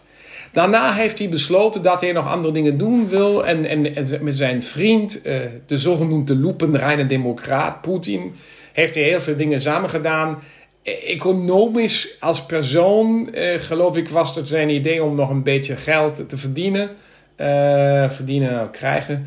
Um, um, en, um, maar anders zie ik het. Ik vind het voor een voormalige bondskanselier. En ik weet ook dat hij nog steeds genoeg geld krijgt zonder dat hij, hij voor, voor Poetin of Gazprom of wie ja, dan ook ja, ja, ja, laten we dit even, laten we dit even helder stellen. Schreuder heeft een bestuursfunctie bij Gazprom. Ja. En hij werkt dus in feite voor een bedrijf dat heel dicht tegen de, de heersende macht in Rusland aanstaat. En dat is toch vanuit Europa gezien geopolitiek ja, toch een merkwaardige positie voor een oud bondskanselier. Zo, zo zien wij dat in Nederland. Ja, klopt ook. Ben ik ook eens mee. En, en, en ik vond het ook gevaarlijk als hij nog ergens in de politiek een, een positie binnen zijn partij, binnen de regering of ergens anders had. Dat heeft hij niet. Uh, dus als privémens moet ik dan als liberaal zeggen: mag die, mag die dan doen wat hij wil als het legaal is? Um, maar, maar niet alles uh, wat niet verboden is, is gewenst. Ja, dus, had ik, ik, dus ik, ik, had hem ook niet gewenst dat hij dat doet. Maar tegenaan te gaan, naar een privépersoon te zeggen: nee, mag je niet doen. Uh, daar moet je dan echt wettelijke redenen vinden. En, en die zijn er niet. Uh, en en uh, ja, hij speelt dan nog een rol. En het tweede is, misschien is dat voor Nederlanders ook interessant. En Duitsland zit in een positie, ik had het formaal gezegd toen ik nog 17, 18 was, hebben we heel veel Nederlanders verklaard: Duitsland is het begin van het Oosten. Aan de andere kant heeft Duitsland maar ook heel goede contacten met, met Rusland gehad, al die tijd. Hoewel we daar in een oorlog stonden en, en, en. Dus er zijn ook heel veel mensen uit Rusland die zeggen: jullie Duitsers verstaan ons, ons manier van, van leven, ons, ons gevoel over het leven een beetje beter dan anderen in Europa. Dus zijn we een beetje op die brug eh, naar Rusland. Niet in de manier dat Schröder het doet, maar in, toch eh, een beetje. En zelfs, zelfs Merkel die spreekt vloeiend uh, Russisch. en um, dat is ook een voordeel. En Poetin spreekt vloeiend Duits. Ja, omdat hij heel lang in, in de DDR heeft gewerkt. In Dresden. En, maar we willen niet weten wat hij daar heeft gedaan. Nou, dat weten we wel. Um, ja, en, nee, en, en ik geloof, Duitsland heeft een mogelijkheid om, om Rusland beter te laten verstaan wat Europa wil. En Europa beter te laten verstaan op welke manier Rusland denkt. Hoewel ik helemaal eens mee ben wat Rusland op de Krim heeft gedaan. Die, die manier waar ze met oppositieleiders omgaan helemaal niet gaat. Helemaal, niet, helemaal slecht is. Um, maar um, die ene vraag is: uh, uh, spreek je met iemand of spreek je met, met, iemand niet? En met Rusland moet je spreken aan het, aan het eind. Daarvoor is Rusland te sterk en te machtig uh, om het niet te doen. En Europa moet nadrukkelijker ook naar de Europeanen toe zeggen: Rusland is een belangrijk land, maar het is economisch Spanje of Italië of de Benelux en meer is het niet. De Benelux, dat is, wat is het, de 27, 28 miljoen inwoners. Rusland 150 miljoen, 140 miljoen. Maar economisch is Rusland ongeveer zo groot als de Benelux. Dus er wordt ook heel erg overdreven, vind ik wel eens. Als men het heeft over Rusland als een enorme superpower en zus en zo. Dat ja. valt nogal mee. Nee, het is alleen maar, het is een militaire superpower. En economisch moet je dat nog eens zien. Dan gaan we weer geen gas, geen olie. En Verder dan was niks. Rusland nog kleiner dan, dan was Rusland nog kleiner dan, dan uh, Benelux. Ik vraag altijd aan mensen: welk Russisch product zeg je dat koop ik altijd? Van Chinese, Ja. Japanse, Ja. Amerikaanse, Britse, Franse, Duitse, weet je het onmiddellijk. En van de Italianen zeker. Maar van Russen niets. Nee, Rusland heeft niets. In Duitsland gas.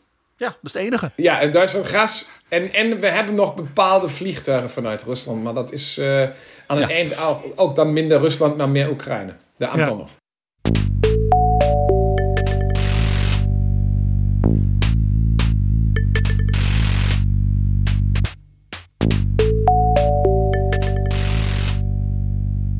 Als we naar het eh, Duitse politieke landschap kijken, eh, de, de, de partijstromingen, dat lijkt heel erg op, op Nederland. De verhoudingen zijn anders. Eh, in Nederland gaan misschien de Groenen, GroenLinks, voor het eerst meeregeren in een kabinet. In Duitsland is dat al eerder gebeurd. Ik- las een citaat van Wolfgang Schäuble, de, de Bondsdagvoorzitter. Heute sind die Grünen eine stinknormale Partei. Een tijdje geleden, nog niet zo heel lang geleden, werd er zelfs gedacht: misschien gaan de Groenen wel voor het eerst de bondskanselier leveren. Een vrouw. Toen werd Annalena Baerbock werd spitsenkandidaat. Wij, wij dachten nog eventjes in een aflevering van Betrouwbare Bron dat Robert Habeck het zou worden, maar het werd Annalena eh, Baerbock. Nu doen ze het ineens weer veel minder in de peilingen. Ze staan op hetzelfde niveau als de SPD. Wat is daar aan de hand bij de Groenen? Als je kijkt naar het verkiezingsprogramma van de Groenen, dan kun je zien, ja, een, meer linkse partij, eh, of niet meer, of zeker een linkse partij. Niet zo links als GroenLinks in, in, in Nederland. Dus zeg ik altijd een mixtuur van D66 en GroenLinks. Ehm, nou, de Groenen zijn een beetje ook een, een stedelijke partij. Ze zijn in, in bepaalde steden hebben ze de, de gekozen, anders is in Nederland, de gekozen burgemeester of oberburgemeester. Ehm, en, en, en zelfs voor mij kan ik zeggen, toen ik 89 eh, eh, die idee had in een, politiek iets te doen, eh, was aan het eind de beslissing van mij tussen, tussen, tussen Groen eh, en, en FDP. Ehm, en ehm, ik ben, dat weet ik nog, naar de FDP gegaan. Ook omdat aan het, na heel veel goed discussies over waar willen we met onze steden naartoe, wat, welke soort van mo- modern leven willen we hebben, eh, wat is mil- milieu belangrijk, kwamen de mensen met het vingertje. Die zegden nee, je moet dat en je moet zo en je moet zo. En, en dat is met de groenen altijd het probleem als het in richting verkiezing gaat. En dat weet je zelfs ook in Nederland. Tijdens een legislatuur zeggen de mensen als ze worden gevraagd voor wie ga je stemmen heel vaak en zoals op school, die krijgt hem, die is goed, die, die ga ik stemmen, die doet niet zo goed, die ga ik niet stemmen. Maar als die verkiezing dan komt, dan wisselt het denken van de mensen naar als ik die partij kies, wat bedoelt dat voor mij en mijn familie of mijn vrienden in de komende jaren?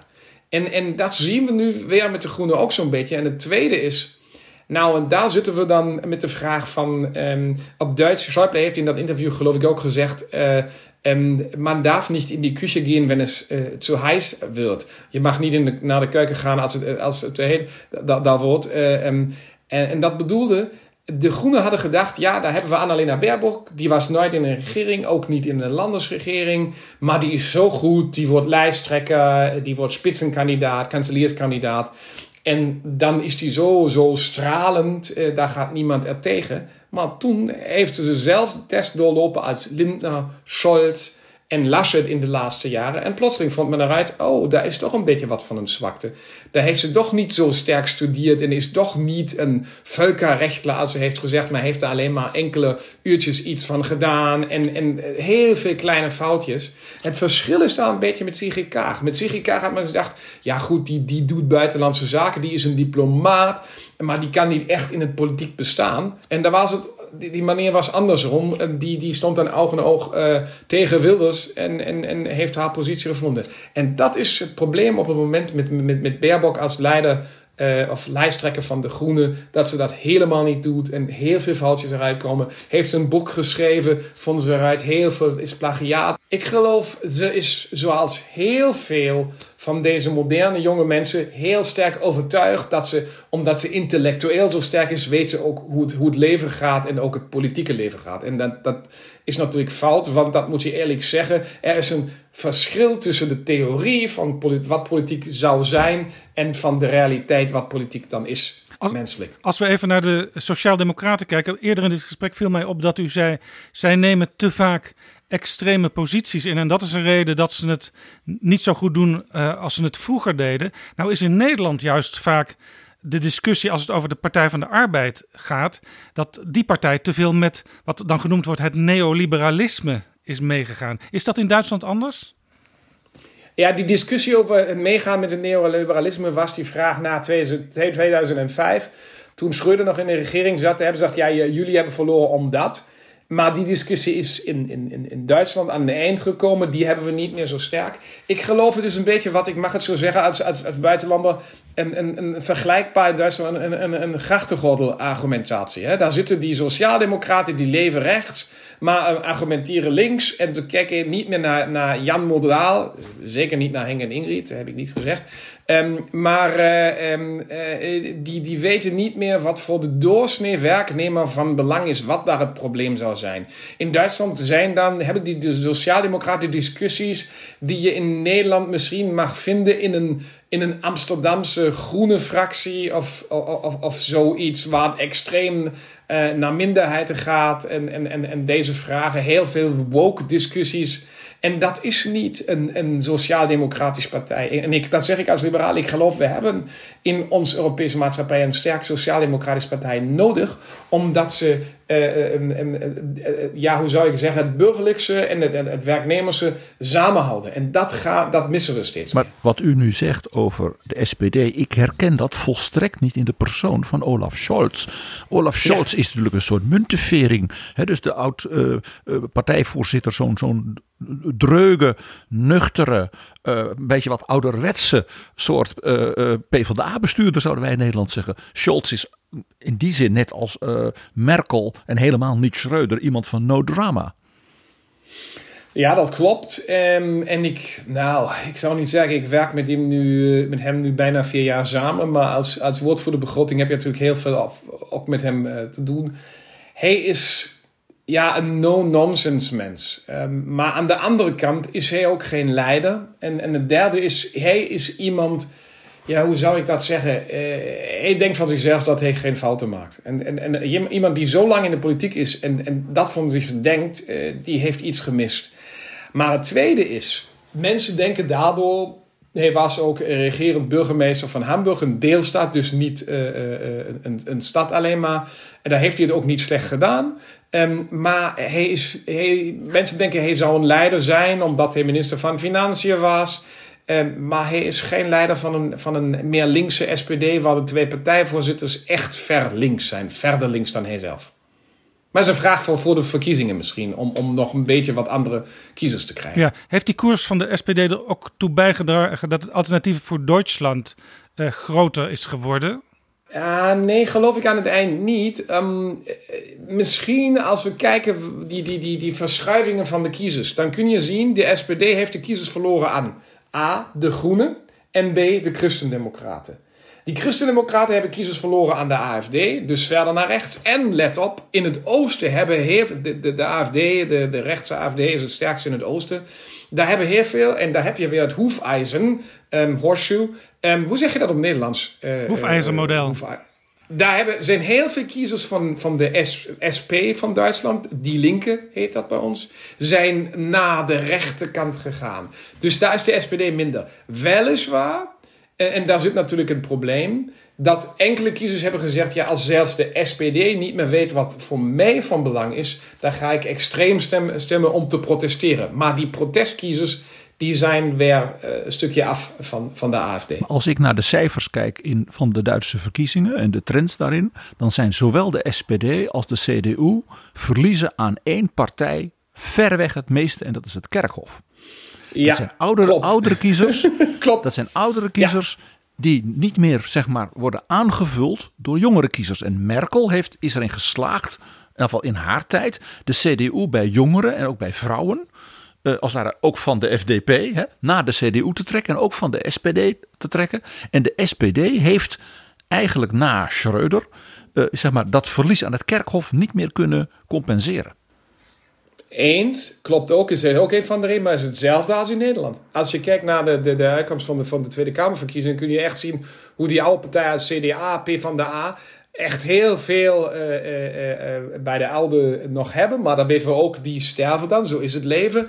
Maar minder van de jongeren krijgen. Anders dan VVD, die bij de jongeren dat nog steeds heeft gevonden. Hoewel meestal de jongeren naar nieuwe partijen gaan om te zeggen... nee, het oude is, dat hadden we, we moeten iets nieuws vinden... en dat mag niet meer onder de naam van dezelfde partij zijn. En, en dus al, dat, dat zie je ook in, in Duitsland. Dus als Armin Laschet een behoorlijke uitslag maakt dan is dat natuurlijk een achtingserfolg.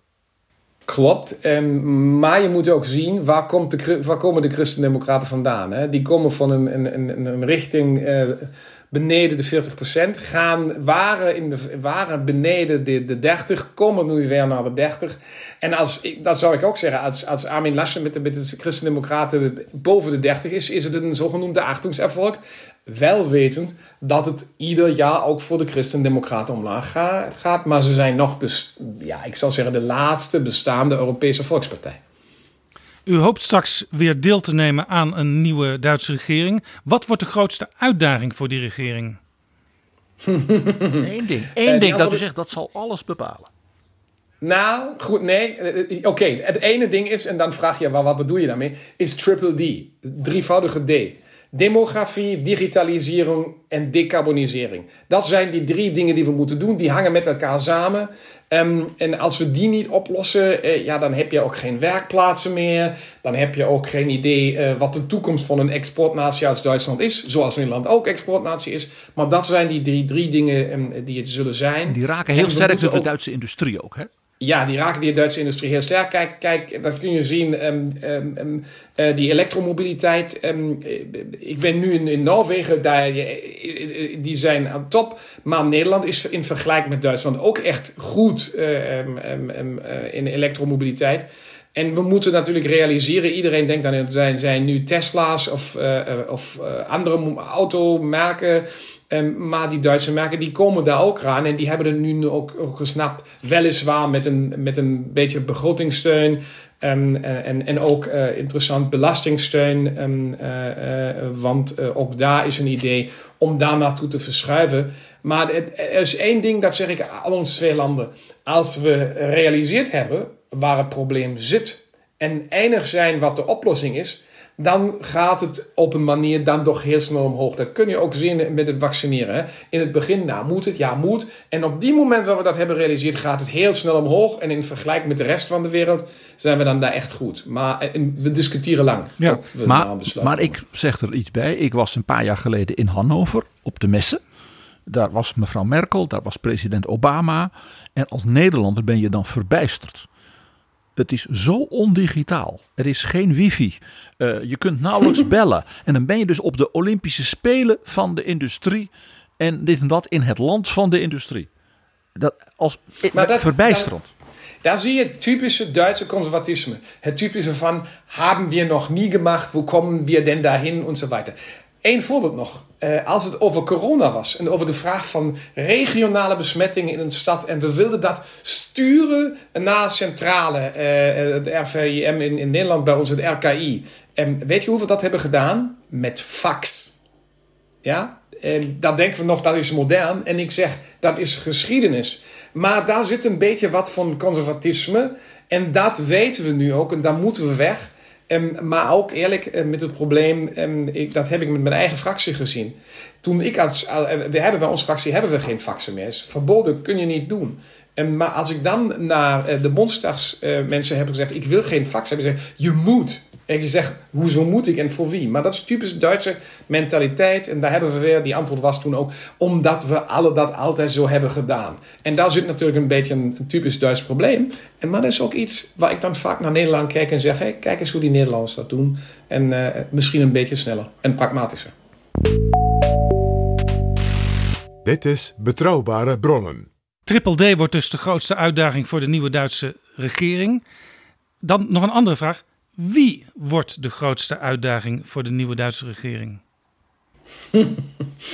ah, daar ben ik nog niet zo zeker Christine Lagarde? Uh, ja, ik, ik, kijk eens, ik had, als ik dat had gezegd, had gezegd ik, ik weet nog niet waar die, die, die, die, die ontwikkeling van, van de Europese Centraalbank naartoe gaat. Maar het, het probleem is echt uh, die, die vraag begroting, belasting, um, schuld. Um, en ik heb het gevoel, en dat, dat vind ik altijd fout. Um, en, ik geloof, daar ben ik ook een beetje over, hoewel hij dat niet zegt, nooit zegt, met Klaas Knot eens. Um, uh, men mag niet politici aan de leiderschap van een centraalbank uh, doen. Dat is helemaal fout. Want politieke beslissingen worden gedaan door een parlement en door een regering.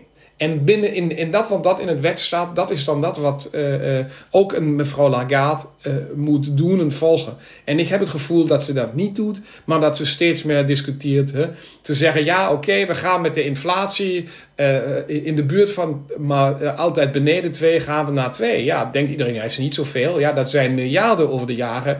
Uh, uh, misschien triljarden die, die dan, dan aan schuld uitgegeven kunnen worden. En ook, ook wat Europa nu doet met Next Generation EU, Europese Unie, is, is ook een, een verschuiving. Dus daar zie ik tenminste een probleem. Kijk, ik, ik ben Europeaan. Ik denk ook dat het geen beter continent geeft om, om te leven dan, dan deze.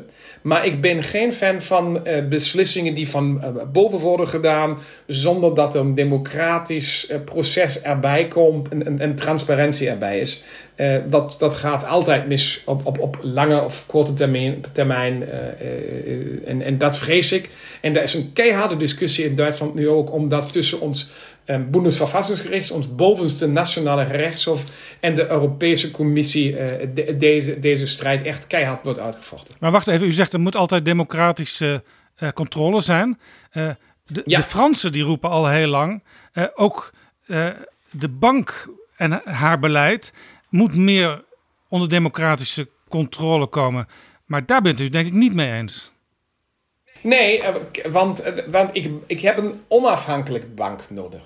Onafhankelijkheid bedoelt niet totale onafhankelijkheid, maar binnen de rechten die er zijn. En niet kijken wat, is, wat vind ik nu mooi om, om op te lossen.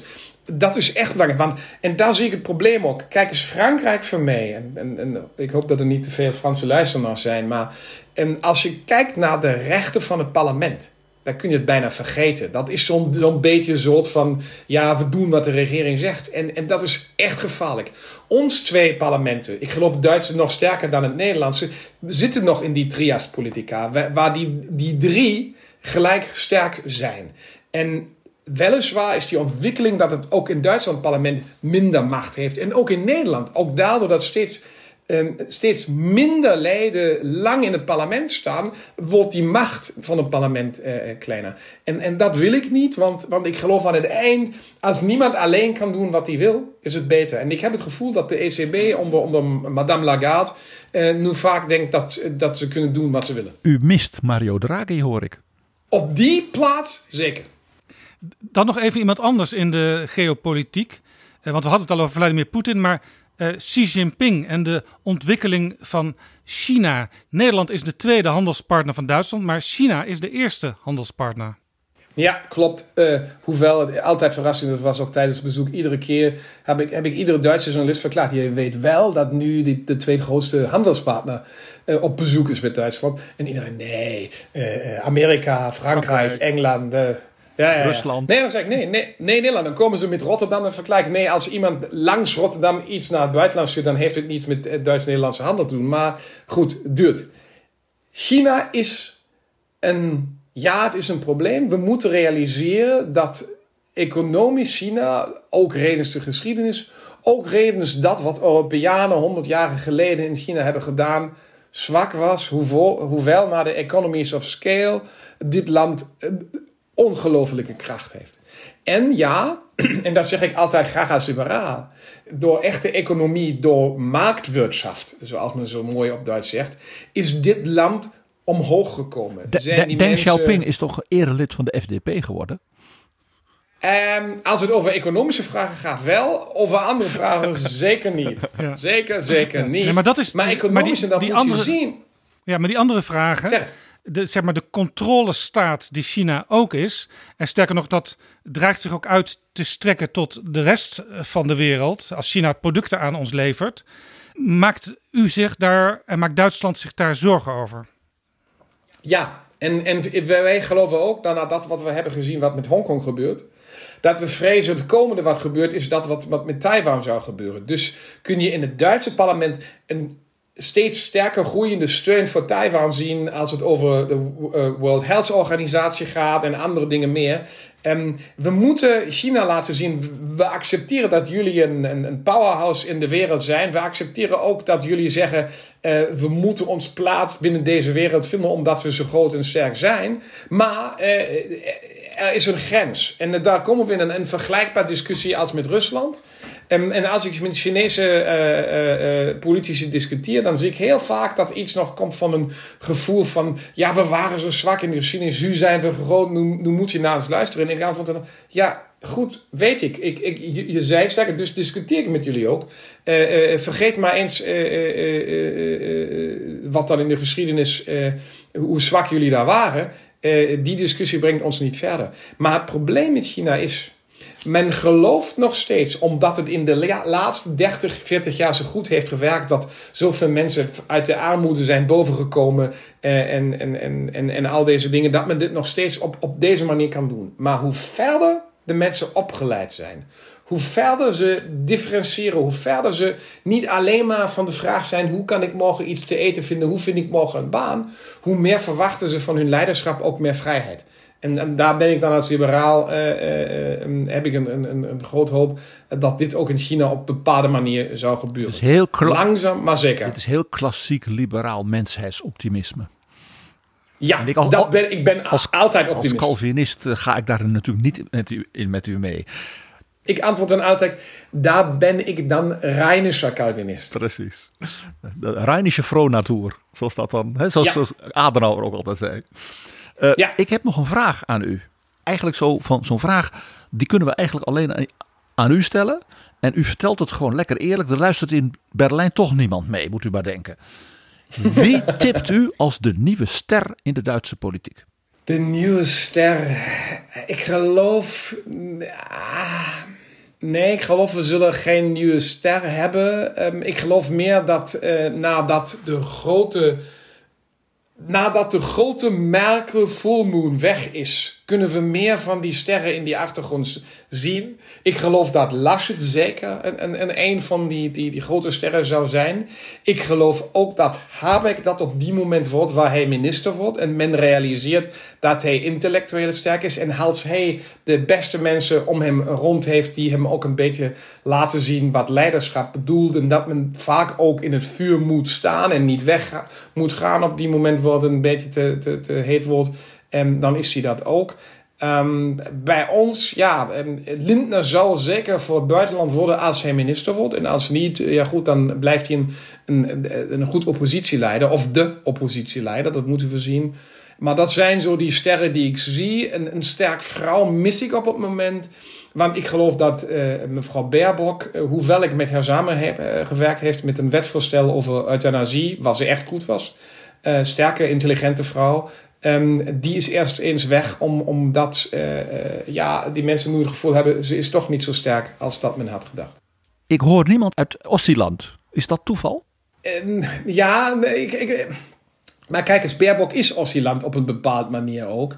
En die vraag is, wat is Ossie en Westieland nu nog? Ehm, maar ja, en dat, daar ben ik eens mee. ehm, het is nog steeds eh, eh, een beetje te veel westelijk of Berlijns, als je Berlijn naar het westen doet. Maar hetzelfde probleem als je het in, in Nederland heeft, dat te veel politici een randstad zijn en, en, niet genoeg mensen meer vanuit het oosten komen. Ja, maar voor mij, ik persoonlijk zie dat niet meer. Voor mij is dat, waar kom je vandaan, ben je een Oostenaar of niet, is, is niet meer van belang. Weliswaar is het voor vele mensen in het oosten nog van belang, dat klopt. En, en er zijn niet genoeg mensen van het westen die naar het oosten gaan. Veel mensen van het oosten die naar het westen kijken. We gaan naar het einde van het gesprek. Laten we toch nog even naar Nederland kijken en van uw wijsheid gebruik maken. Eh, Want uw politieke familieleden, VVD D66, hebben het voortouw in de Nederlandse kabinetsformatie, die stroperig is, die lang duurt. Wat kunt u Mark Rutte en Sigrid Kaag aanraden? Wat moeten ze doen? Nou, nou, wat ik als probleem van de Nederlandse eh, politiek op het moment zie, is ehm, er steeds een, kleiner deel van het parlement, van de fracties, bereid om verantwoordelijkheid te overnemen. Om, bereid te zijn te zeggen: ik, ik, ik reageer en ik weet dat het vaak bedoelt meer kritiek. Want wie iets doet in een moderne democratie, die wordt meer, veel meer kritiseerd. Maar aan de andere kant zeg ik dan ook, eh, kijk naar de VVD. Hè. Eh, niemand had verwacht dat men zo lang aan de regering zou blijven. En toch eh, dan ook omhoog gaat met, met, met, met de leden in, de fractie. Of kijk nog beter naar D66. Wie had verwacht dat die fractie zo groot was? Ehm, ik geloof, het enige wat ik kan zeggen is, op een bepaald moment moet je zeggen... Oké, misschien is het dan toch eh, nodig een minderheid, eh, minderheidsregering te hebben. Want eh, dat moet je dan ook aan andere partijen laten voelen. Beste mensen, als jullie niet willen meedoen, als jullie te lang discussiëren, ehm, dan, dan gaan we kijken waar we de meerderheden vinden. Want, want en dat zie ik speciaal in, in Nederland, je moet aan het eind toch met ieder wetvoorstel door de Eerste Kamer. En daar heb je al dan die, altijd die vragen. En dan weet je ook, en dat ziet men nu ook, de komende verkiezingen voor de Eerste Kamer ja, komen steeds sneller dan, dan, dan, dan, dan verwacht. Ehm, het, laatste is, ik geloof, ehm, mensen verwachten van de democratie aan het eind leiderschap. Ze gaan kritiseren, heel lang.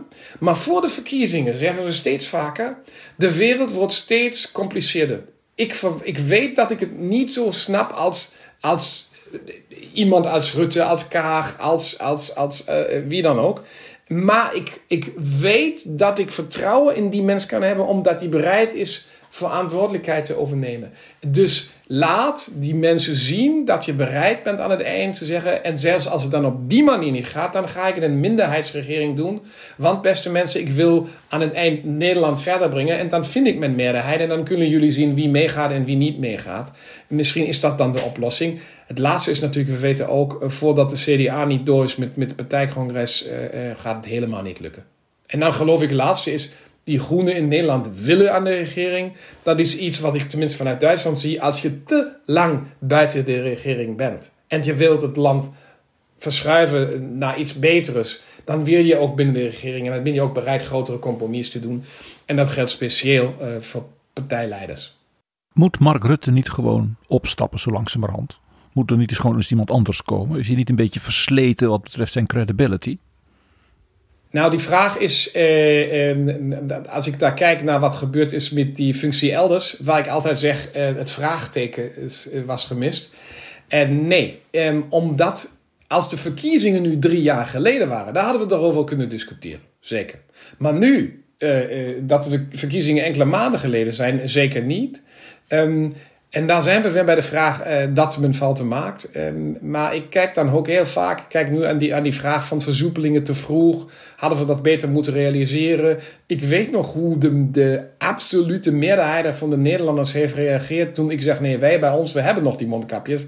Ja, daar had ik maar van 90% van de Nederlanders een, een, ja, meer dan een glimlach gehad. Maar eh, nu dat, dat men realiseert dat, dat het fout was, eh, is het zo. En daar, ik blijf erbij. Als fouten gebeuren, verwacht ik van een leider dat hij dat realiseert en ook zegt, was een fout. Want, en dat weet ik van mezelf en ik geloof dat weet iedereen ook, als je niet uh, accepteert dat het een fout van jou was, dan vind je altijd die oplossing moest van anderen komen. Je zelfs moet geen nieuwe ideeën hebben. En, en ik geloof altijd beter uit te vinden, waar heb ik een fout gemaakt, om dan beter te worden, dan te zeggen, we heeft die ander een fout gemaakt, ik kan blijven als ik ben. En dat vind ik met Mark Rutte goed. Dat is heel interessant waar, waar, u nu op wijst. Want zeer onlangs was er een overleg van mevrouw Merkel met de minister-presidenten van de lender in het weekend. En toen heeft mevrouw Merkel een soort persstatement gegeven. En toen heeft ze de volgende dag gezegd: Ik zat helemaal fout. Ik heb een verkeerde papier van conclusies voorgelezen. En het effect was een enorme stijging van de waardering voor mevrouw Merkel. Dat vond ik zo op opmerkelijk. Ja, maar dat heeft weer, iets ermee te doen. Vertrouwen in een leider. Als ik een leider heeft die doet wat hij wil, altijd, dan wil ik hem niet meer. Maar als ik een leider heeft die ook realiseert, het is mogelijk dat ik fouten maak. En als ik een fout maak, dan, dan zeg ik dat ook. En dan ga ik ook een, verschuiven naar, naar een andere richting. Dan zegt de kiezer, oké, ik heb ook die oplossing van het uh, die triple D-probleem heb ik niet. Maar ik weet, als er iemand zou hebben, dan die, omdat die ook weet wanneer een fout gebeurt. Merkel en Rutte behoren tot de langst dienende regeringsleiders in Europa. Als Angela Merkel straks weg is, wordt Rutte dan een, een heel eenzame premier? Of hoeft hij zich, wat Duitsland betreft, daar geen zorgen over te maken? Nee, ik geloof daar heeft hij geen zorgen over. Die, die twee langstaande leiders zijn dan Rutte en, let op, Orbán. Ook een uh, glimlach aan die kant. Maar het tweede is, um, klein verhaaltje, hoezo dat geen probleem voor Rutte zal zijn. Um, toen Laschet het eerste keer uh, uh, naar Rutte kwam om, om een bezoek aan hem te doen als minister-president van Noord-Westfalen, uh, kwam hij naar Den Haag en zegde naar Mark Rutte: groetjes van Christian Lindner. En die antwoord van Mark Rutte was: groetjes van Angela Merkel. Bedoeling, um, die twee ze kunnen goed met elkaar. Die hebben ook contact. En, en ik geloof dat dat heel, heel goed zou gaan. Het probleem is een beetje Frankrijk. Natuurlijk zou het eerste land dat Laschet zou bezoeken, zelfs als zelfs Baerbock zou het doen, zou Frankrijk zijn. Maar daarna moet heel snel moeten dan landen zoals Nederland en Polen komen om te laten zien dat men in, binnen Europa een, een, een, een, leiderschapsland, maar een verantwoordelijk leiderschapsland blijft. Otto Frieke, hartelijk dank voor dit gesprek. Fijn dat u bij ons wilde zijn. Veel succes straks bij de verkiezingen voor de Bondsdag. De dank is op mijn zijde. Dank u wel.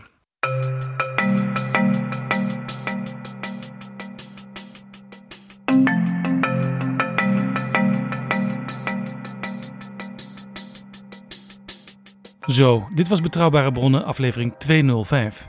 Deze aflevering is mede mogelijk gemaakt door de Europese Unie en natuurlijk ook door de vrienden van de show. Luisteraars die met een donatie tonen dat ze betrouwbare bronnen waarderen. Word ook vriend van de show. Ga naar vriendvandeshow.nl/slash bb.